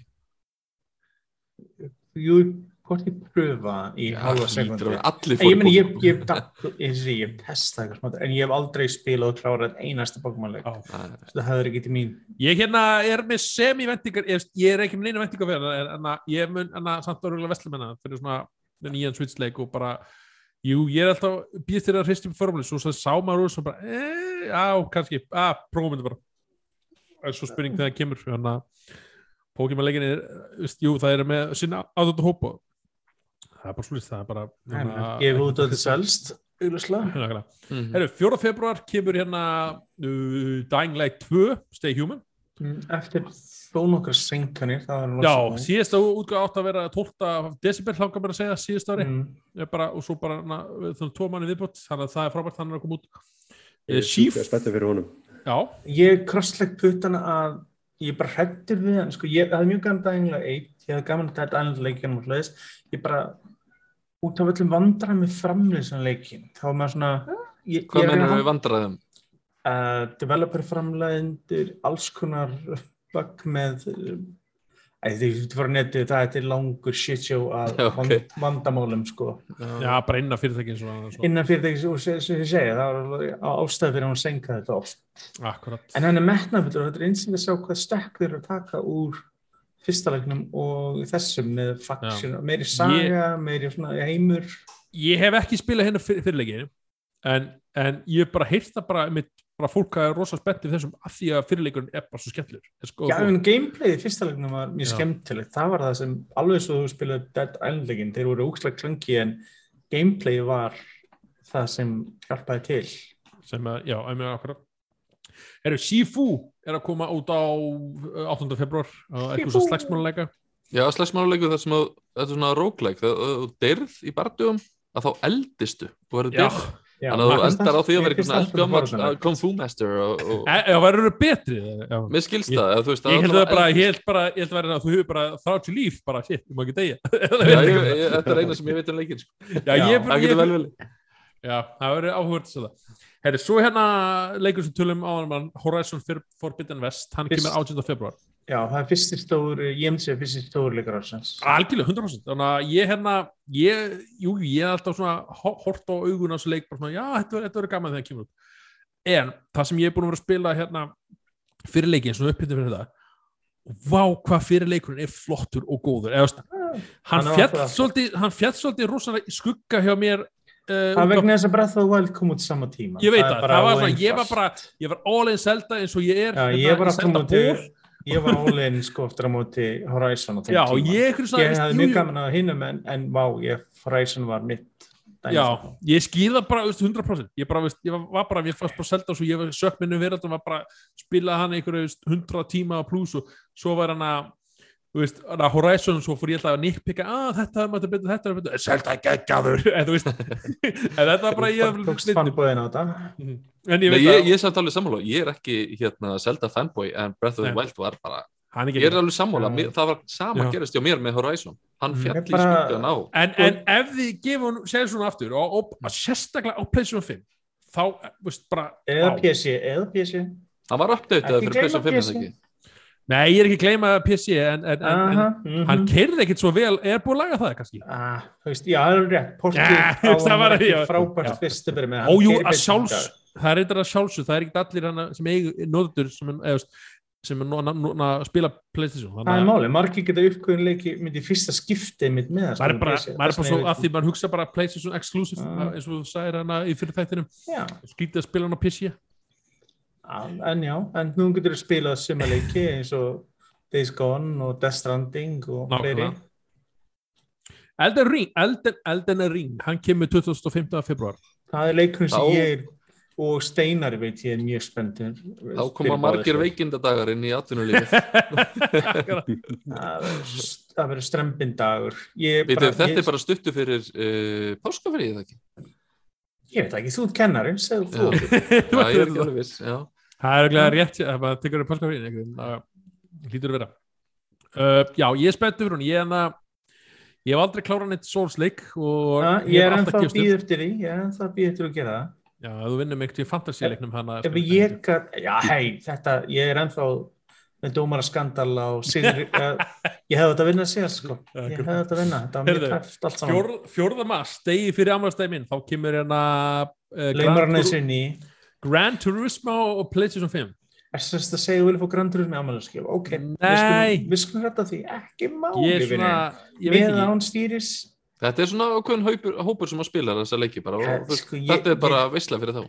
Já ég meni ég hef spilað slatta þessu leikjum og ég, þeir, ég get ást endalist af metnaðinum á bakvið framleyslu þeirra sko. Já, ég, ég er meiri svona gauri sem bara, þú veist, einmitt starta leiknum fyrir fótumót og er bara slefið því hvernig sko, slappinn á ég bílnum þekki út. sem pæla í bara sko, hvernig vélinn hljómar og, og þessa bremsur eru ekki réttar og eitthvað. Ég er ekki Já, já. svo típa en, en ég nenni því ekki ef ég verið sér satt ég er bara, ég, ég, ég þetta er Bara ég með leikinn. forsa leikunum sérstaklega Horizon en ég virði rosalega mikið það sem þessi já, gera þetta lítur út fyrir að spendi og bara, úst, ef þið hafa einhvern tíðan áhuga á á hérna, hérna á hérna Gran Turismo leikina, þá held ég sé bara mjög svona vel haldin hópur fá ég var þetta var ekki vel haldin hópur. Það er alltaf hópur í Íslandi, ég heldur að þetta langar að segja Sports já, eitthvað í Ísland. já, er að vel, sem er vel haldin hópur. Já, er Heldur utan um lið þennan sem spilar og streymir og allt saman það veist, Já. já. þrátt fyrir að sport var bara svona lítil útgáfa. Það drýmdi að hvað gaman að þeim. Loksins þegar það kemur alvöru Grand Turismo leikur út. Já, það er hana Þessi, þeir, þeir eru að halda utan um hana alls konar keppnir og alltaf vera að auðlýsa bæði á bara Mhm. Facebook og alls þar hana, uh, það heitir hana, GTS Iceland Íslenska mótorinn ég- Gran Turismo. ég fylgst með með mitt. Þannig að sjá þetta þá, þannig að ef þið hafa einhvern annan áhuga á Það annan verður í- Gran Turismo þá endilega kíkja á þá og, og taki þátt í keppnum og bara æfingum og alls uh, skins uh, mótorum í þeim leik. Mm. Það eru fleiri leikir, uh, Tiny Tina's uh, Wonderland Wonderlands Ég fórt að sjá hvernig sko, þeir eru að taka hugmynd sem var mjög skemmtileg sem DLC í Borderlands 2 og nú útvikka þetta í heilan leik. Já, mér finnst þetta skemmtilega flippað Já, ég meina, sko, DLC var frábært. Sko, ég er ekki að spila það sín tíma, en DLC var virkilega gott og var besta, besta DLC fannst mér fyrir Borderlands 2. akkurat að, en þetta er alltaf svona, hvernig gengur þetta upp í heilum leik, en ég er tilbúin að gefa sjans, ég er borturinn byrjuð þessu. vonandi bara Var tekst þetta við líka svona roleplaying dæmi í DLC-nu? Ég hef ekki spilað það. Já, menn það var það, það þegar voru að spila D&D campaign, það var, DLC var þar, þar var alveg brandarinn og hvernig það breyttist eftir hvað hún var, í hvernig skapið var, það var svo skemmtilegt vegna þess að þú byrjar að hugsa allt fallegt og síðan þau kommentaðir eitthvað á þetta og sé bara, nei, ok, það var dimmt, það var drungalegt, það var drekar og, og leikurinn var að breytast bara jafn óðum og meðan sko Dungeon Masterinn var að tala og það var sko cool, vegna ég, Já. ég spenntur ef þeir veist, fara meira í þáttina og gera eitthvað skemmtilegt þar. Herðu, já hann er á allir 2015 bass hann, Já, og ég held að hann kom út bara, ég held að segja ekkert sem, hann er komið að alla, já, hann kemur þessum tíma, ég, ég myndi bara veða peninga hér og nú hann kom út þessum tíma. ok, en að 24. mæ kemur hérna Forspoken. Hann er frá hérna Squeenix, já, Square Enix en að já, Square Enix og hann að ég er svona já, ég þarf að ég, ég þarf að sjá meira en samt svona, ég er rosa fórhundin ég er hægulega bjassið, eina sem ég er ekki elska aftur á móti við hann að Squeenix alltaf það tækir vel til að keira verðið upp á leikjunum sínum í Já. 70 dollara, öfur, Já. pund og allt vill. En já, það, það sem ég hef líka heyrt með þarna uh, hvað heitir hann aftur? Forspoken, já Já, er þú veist, maður hefur séð sínt úr hann og lukkar vel já ég meina við fengið fengi að sjá slatta á gameplay og hlut sem er já, akkurat og lukkar bara mjög vel en þú veist að því maður er svona síkstundum inn í einhverja svona online forums og umræður og þá er Yep. mjög mikið þar sem að fólk er svona, já, ég er svolítið efins að heimurinn verðist vera svolítið tómlegur og Já, og maður er er svona, ó, hvað er þetta að meina ég að segja þetta sé mjöguleg ekki alveg kannski eins tilbúið eða þetta lítur út fyrir að vera? Mm, eða leikurinn oft, já, þetta er svona fallegur heimur en það er ekki mikið að gerast í hann já, það, er- akkurat. það er eitthvað sem margir leikir hafa lendi í getum tíðina líka mm -hmm. það verður að vera bjart sýtt bara já, en Bjarni. já, en eins og við erum hæfilega já, já. svo við stökkum allavega í nóvumber ok, vá, þetta, er- þetta er svona já, þetta er svona confirmed já, con confirmed allavega það? er fleira milli það er allavega Starfield, hann kemur Já, já, 11. nóvumber nóvember. já, ég held Og- að mér fannst jú, að ég er hæfilega það. björn sýtna að komið þá sko, mér við minna, þú sér það, þeir kynntu um íþrýleiti í fyrra útgáðdægin, pælti því það er nuts að hugsa út í það að tilkynna meir en áfram tíman nákvæmum útgáðdag mm -hmm. og ég hef reynda að trúa að þessi leikur kom út vegna þess að hugsa um development tíman hjá Bethesda hvað tekur langa tíma búið til leikja þeim hvað langt síðan Fallout kom út og allt þetta Fallout 4 þá er þeir alveg léttilega á tíma að gefa næsta leiksin og þeir myndi held ég ekki vera gefa út þessa dagsningu nefn með þeir tristi sér heitana sko. akkurat, nákvæmlega. Það er svo, svo líka möðvistin sem komið baklund frá alltaf Microsoft og Já, ég nákvæmlega eins þetta. ég held að þessi bara, ég held að margir sér mjög spendir í mitt fyrir að Microsoft sé að Bethesda sé að hluti að Microsoft núna eins og það ekki getur einhver neitt að til þess að kannski quality prófa leikina sína aðeins betur. Akkurat. Herru, hérna, svo er einhver leiki sem hérna lista sem ég er með og verður ekki með dagsninga endilega en hérna eru orðaður á þessu ári það er til dæmis Avatar, Frontiers og Pandora Já, ég, það er sko ég, ég bjart síðan að leikurinn kom út en myndin með. James Cameron dæmið eina sem ég hugsaði bara hvort þau voru að mitt þannig að treysta það verði bara svona það eru svona, þú veist, uh, gefa þetta saman tíma því að það myndi byggja upp svona hæp fyrir, þú veist er Ef myndi algjörlega- geggjuð skilur. En sko eina sem er jákvæmt er að það er ég virðast að leggja meira metna í þennan leik en ég gerði með síðasta leik sem var gerður. Já, hann keirur aldrei í snowdrop-vélinni sem er það að tala um Ég annan Avatar leika Ednham, Division keirur á. Hann keirur á sem grafíkvél þessi leikur. ég hef ekki pælt eins og í sett þannig að ég, að ég er ekki mikla vonum við þessi leik, mér finnst það svona ég, held að þetta líkindum verður þetta bara enn eitt movie time leikur sem já, hugsaður um í tvær segundur og glemur sem er, er, er ekki eitthvað mega plan að fara, þú veist, að fara að gefa út avatarmyndi núna eitthvað með, Jú, greinst ári bara. Það sem að mann er gruna mögulega er eitthvað svona að þau ætla að púla eitthvað svona semi-matrix dæmi þar sem að þú veist sagan gerist að Í hluta til í, Já, svo leiðist það mér, nei, ég vona, vona ekki. Já, þú veist En að það sem já. að einmitt sagan gerist að hluta, eða stóran hluta í kvikmyndunum en svo fyllur í eigðarna með tölvuleikjunum og svo er kannski myndasögu með og svona Oh God, svona Þetta- Martin- Matrix gerði þetta svolítið, sko. Já. ég man eftir því að leikurinn kom út og inn í all atriði og personur sem, já, var ekki í hinnu. Það hefnaðist rosalega vel eða þannig. Nákvæmlega, nákvæmlega. Herra, Bayonetta 3 á Nintendo Switch, uh, búin að vera lengi í framvæslu. Uh, hann er orðaður að Já, þessu ári. Ég, ég er hæfilega bjastur. Ég hefði vel að sjá Switch Pro koma út fyrst samt. Það er hans líka leik almenna. Já, fara, fara, Sem- fara jólinn 2023 eða, Mér eða snappa snappa 2000. að, mér grunar að þessi leikur er ekkert rosalega góður á gömlu góðu Switch. Já, meina það að vera frestuna vegna þess að, að tölva núna bara höndlar hann ekki eða þeir gefa hann út og síðan gefa þér út en hans útgáfi þegar Pro kemur út actually, það Já, verður leikurinn sem þú vilt raunverulega spila nákvæmlega. þess að það verður góð útgáfan Herðu, hérna Ghostwire Tokyo er svona hryllingsleikur frá hérna þeim sem sem gerðu uh, Evil, Evil, ekki Evil Dead, vá. Uh, Evil Within. The, the, Evil Within. Ég er bara ekki Evil Dead, nei, það er annað. Þannig að þeir hérna er að komið hana Tokyo, uh, fyrir ekki að Ghostwire þetta er Tokyo. Bethesda leikur Þetta er Bethesda leikur þetta og kemur- gamlu skljúsileikjana þeirra Já, kemur á PS, PS5 og, og PC allavega til að byrja með. Þannig að myndi í segja- ár. já og eftir svona ár alveg svo ég myndi segja að í september á þessu ári kemur út Deathloop á Xbox Nákvæmlega.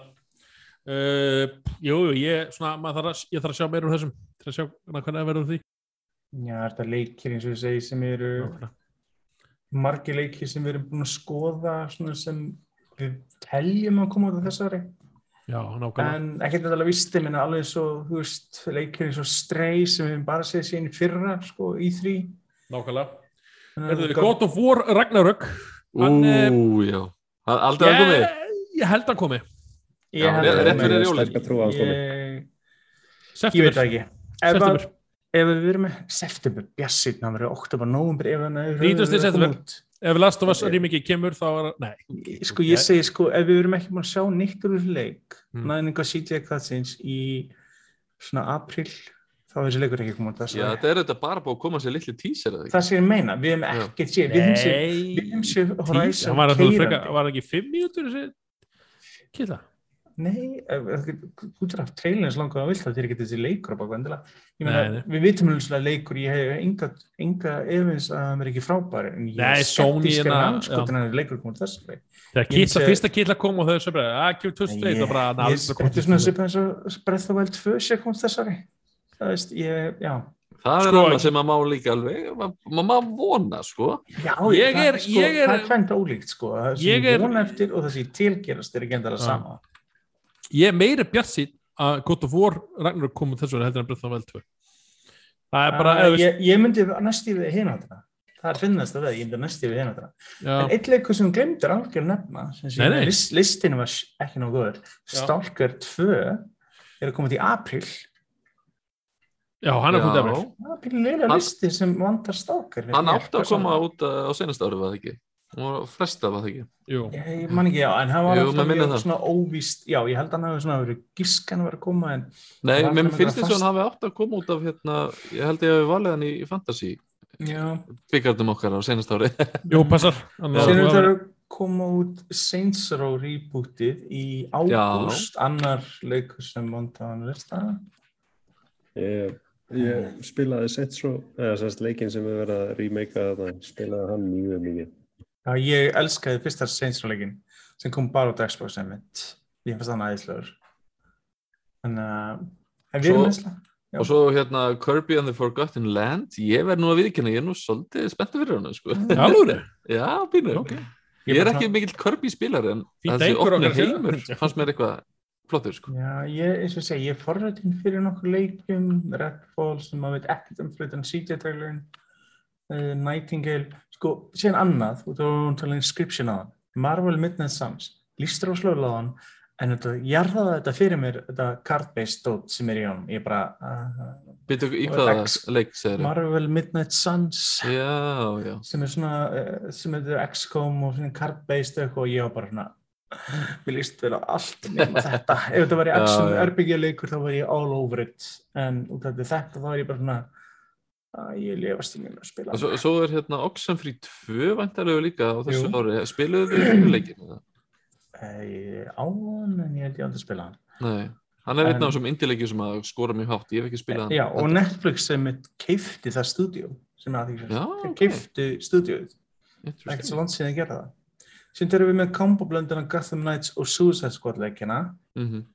sem frá Warner það verður aðkvæmst að sjá hvernig það verður Lord of the Rings Gollum leikinn sem maður veit ekkert hvort það komur þessu ári ekki Nei, mér fannst mér að við sýnum svona, ég er mikill uh, Lord of the Rings fan, sérstaklega líka, myndina, sko, en mér, mér fannst þessi leikur ekkert eitthvað að vera svona, eitthvað að- sko. þetta verður ég hugsa alltaf að ég leikur um þetta ég held að þetta Styx þetta þetta er svona, svona laumu púkuleikur drepa ég hugsa rosalega mikið um hann þegar ég sé hann leik en leik sem ég er alltaf spenntu fyrir og er þarna Plague Tale Requiem ef hann kemur þess ári Já, þess að Plague Tale fyrsti var hluti spennandi dæmi mhm. en, hann var svona þetta- semi undir radarinn, svona semi. Já, þetta er svona leik sem vann á til að leiða á tíman og er búið að vera alltaf að batna og batna fyrst mér í áliti fólks. Og svo má líka henda inn hérna, það er nú ekki komið dagsetning og þetta er ekki staðfest en það stendur allavega, uh, með minni rétt í einhverju stiklu að Island of Winds eiga að koma út Ég frá er Party Games. Já, ég er spenntur eftir að við spilum hann með þetta. Ég er mynd, spenntur að sjá hann koma út. Mér Já. finnst rosalega vel á að sjá svona íslensku landsláðu þjóðsögur. Bæði hann og síðan allt öðru sér nálgun í Hellblade 2 mitt. Gaman að sjá svona Ísland sem sögursvið. Mm sem þetta er leiki sem er ekki mútgáta og ég er örgulega koma ekki til þess ári um nýri Mass Effect, nýri Dragon Age Fable Outer Worlds 2 Perfect Dark Skulls and Bones, ég held að hann komi aldrei út reyndar Devil Inside leikurinn sem er kynntu, Sony kynntu í Playstation kynningunni fyrra Mm. sem var senkað, hann ætti að koma út sent á þess ári held ég En eins og segir, það er slatt af leikjum sem eru í vinslu og síðan er þetta orður á maður núna um að í vor muni Respawn og EA tilkynna nýja starfsleik Já. sem er framald af þarna hvað heitir það aftur? Akkur er manni, hvað Fallen það? Þetta er Fallen Order. Fall- Já, Fallen Order sem var frábæleikur Mm -hmm. og þarna hann verið kynnt framald af honum þannig að það verið gaman að sjá það -hmm. Ég hugsa að verði bara örugglega fjórða bæ, menna með fourth. Já, Það það er voru klassískt- komið eitthvað tilkynning það. Já, sko, þú veist það sem ég segi þess að það eru leikir skandi, skóran Þetta, þetta, þetta, er, þetta er miklu flottara leikja ára en reynda voru þú veist eitthvað senkunum á þessu ári sko, eða ári sem marg- var að líða Ímsi leiki sem við erum að tala um núna eru þetta leiki sem hafa fæst til út af ýmsum ástæðum og eitthvað af þessu leiki mun færast til áfram og síðan aðra leiki sem ekki heyrt um. Það er alltaf einhver leiki sem hefum ekki heyrt um nema kannski mest alveg heyrt einhver orðrámu mm og síðan þegar líður á árið það, það er alltaf svona jana, við vitum ekki það, það er ákveðin leiki sem við vitum ekkert um. Síðan svona eftir þrjá mánuði þá vitum við meira um það. Það svona að byrja árið aðeins að svona semendast aðeins Já, kalla. og við byrjum svona að sjá hvernig það lítur út en á meðan fáum við svona að njóta hluta eins og uh, Elder Ring og Mm. Horizon og fleira sem ætti að geta gert ástyrjuna svolítið bærilegra fyrir okkur. Ég var hérna, ég persónulega var ekkert eitthvað allt of finna, jú, það var margir sem fannst- sem fannst bara 2001 hafa verið umrætt leikjaðar. Uh, mér fannst það fínt, sko, með við það það var það var. ágætt, ég held að bara málið að Já. fólk talar um að það er ekki nóg gott er vegna Já. þess að við fengum nýja leikjafil og vanlega þegar Já. kom nýja leikjafil þá koma slatta leikjum með því við Já. fengum ekki eins mikið því við fengum mikið Eina- millibils ástand Fyrir mitt líka sem mitt svona efins út af náttúrulega COVID og þá feng- voru bara svona, jú, jú, með svona, við- ok, ég vil, en já það, við fengum eitthvað stellar leik, við fengum eitthvað God of War eða Red Dead Redemption, eitthvað svoleiðis eða eitthvað svoleiðis í þeim dúr, en, en samt fengum við svona einmitt einhverju leiki sem kannski svo Deathloop eða svona eitthvað svona, sem fengum þá aðeins að njóta sér frekar, eða Já, svona, að ég hafði betur, Guardian of the Já, Galaxy.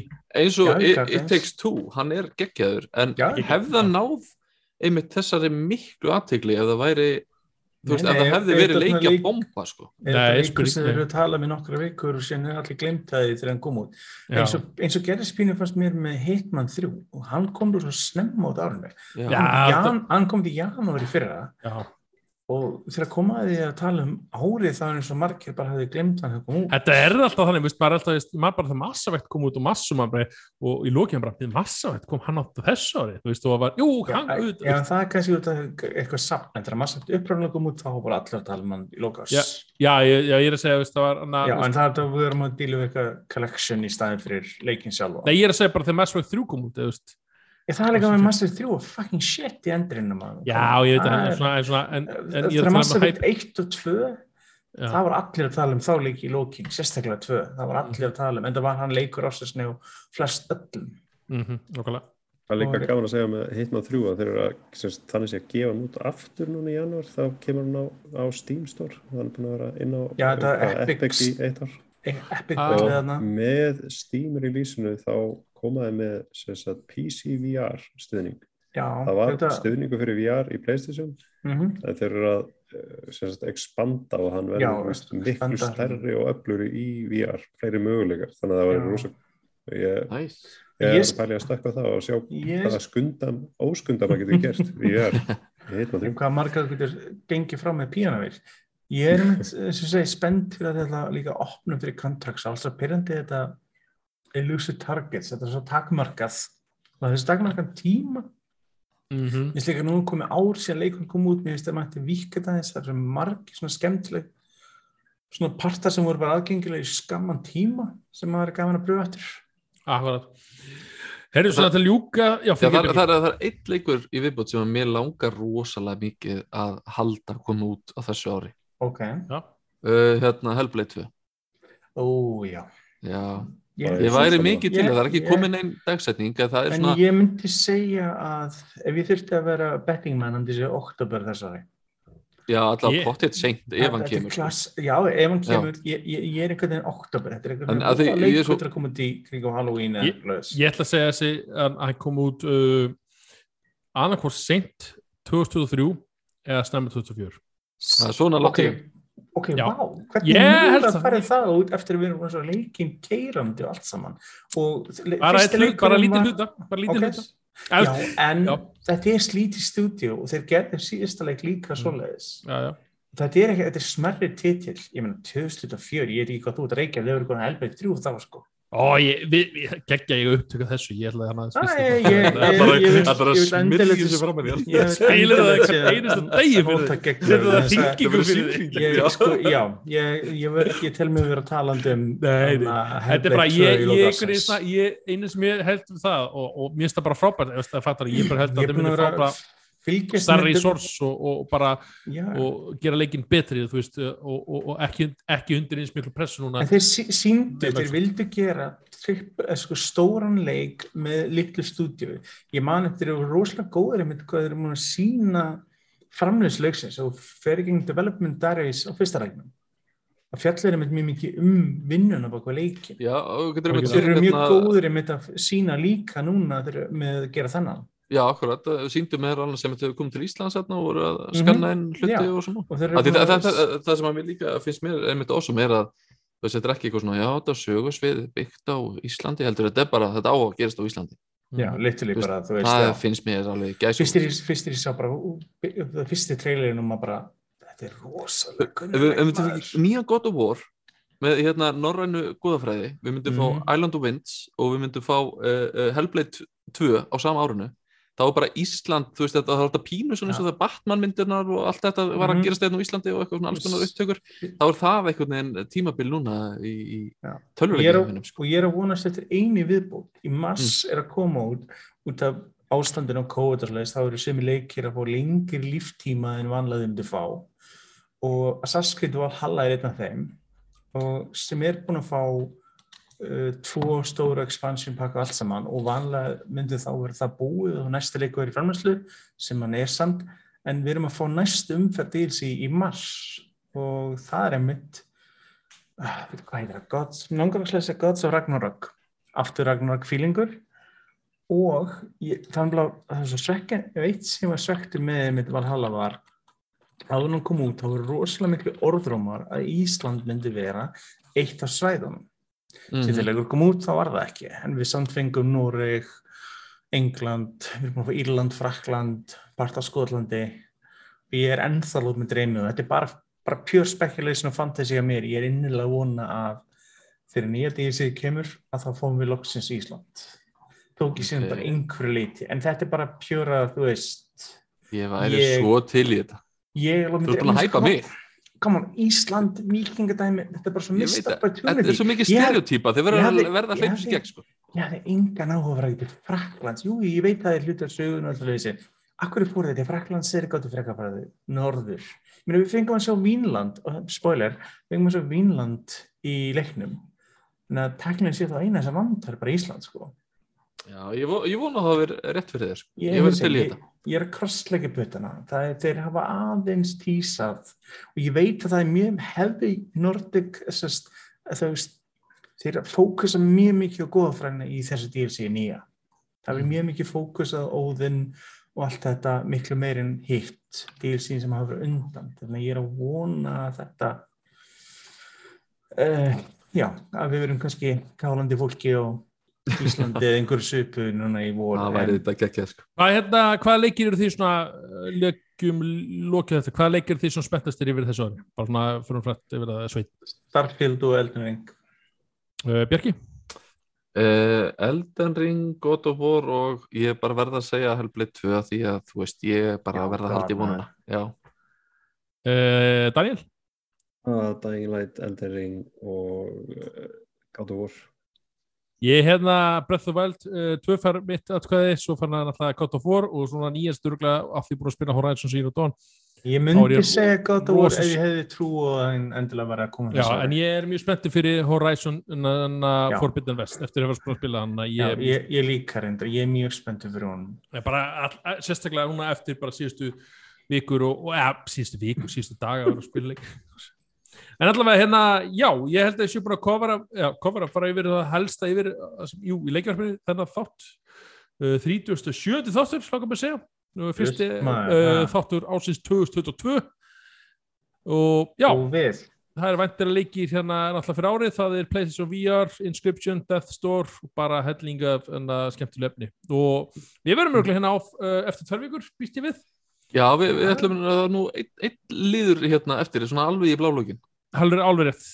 Leikja klúburinn maður. Burinn maður. Burinn maður. Burinn maður. Burinn maður. Við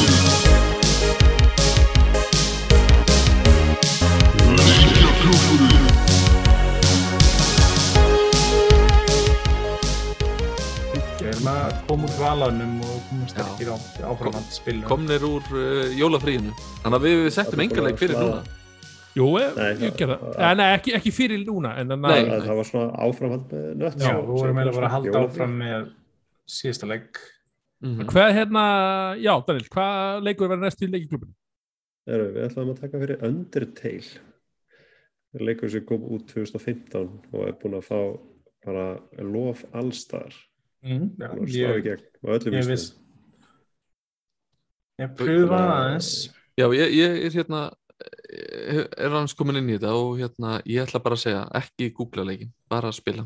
Bara Nei, spila. ég, maður hefur heyrt það mikið að þetta spilla leiknum rosalega fyrir eða þú passar ekki. Já, það er þannig sko. Uh, hann er, eins og segja, hann er til á Playstation eða ekki, hann er til á Switch. Mér skilst að hans er komin á mjög marga plattforma, hann náði svo Og- miklu hæpi, svona eftir Ha- útgáfu sko. hann Þetta er til svona, á Xbox, á PC og Xbox vennilega og hann er á Game Pass, þetta er svona eiginlega, hvað maður segja, ádægilega svona að vera að nota RPG-formið sem að kannski margir til dæmis gömlu Final Fantasy leikjum og svona og verið að leika Mm. sér svolítið með boundaries, með tölvuleiki. Og þetta er svona indie-leikur sem er mest búin til af einum gaur. Þetta er svona eiginlega einsmannsverkefni en það er samt, þú veist, fleiri sem koma að þessu þetta en þetta er mjög hérna, áhugavert og ekki láta grafíkina fæla ykkur, myndi ég segja, skjáskotin er alveg bara mjög sem, skrítin dýftin sem er líkil núna sölupunktur myndi ég segja. Já. Nei, nokkulega þetta þarf ekki að, þetta þarf ekki að lúka eins og raunveruleikin til þess að þetta sé og segi, það eru ótal leiðir fyrir fólk að nálgast leikin og kíkja á hann svo um að gera bara nýt ykkur þá leið sem hendur ykkur best Nokkulega, þannig að þetta er leikurinn sem við ætlum að taka fyrir. Það heyrist kannski smá gatna í hjálp bakveg mig. Það er smá aðdáðandi með mér. Það er alltaf gott að aðdóðandur. Herri, við bara þökkum þá ykkur fyrir að hlusta á þáttinn og hérna þannig að það er, eh, við erum búin að fara yfir hérna leikjaklúbin, það er Undertale sem við ætlum að taka fyrir, við erum búin að fara yfir leiki ársins, PlayStation VR 2, uh, Inscription, Death Store og margt fleira og við viljum bara þakka geimstöðinni kærlega fyrir stuðningin. Uh, þau eru með einhverja janúar útsölu í gangi þar og mælu með að þið tjekkja á þeim, þeir eru með hérna notaða leiki til sölu, nýja og eldri og alls konar. Þannig að við bara þökkum fyrir okkur og er eitthvað sem þið viljið bæta við, drengir, svona er með. Hristu hausinn, já, ok. Nei, bara, já, fylgist með okkur og já, sjáum sér. Já, bara þökkum fyrir okkur og, og heyrjumst. Takk fyrir mig. God bless.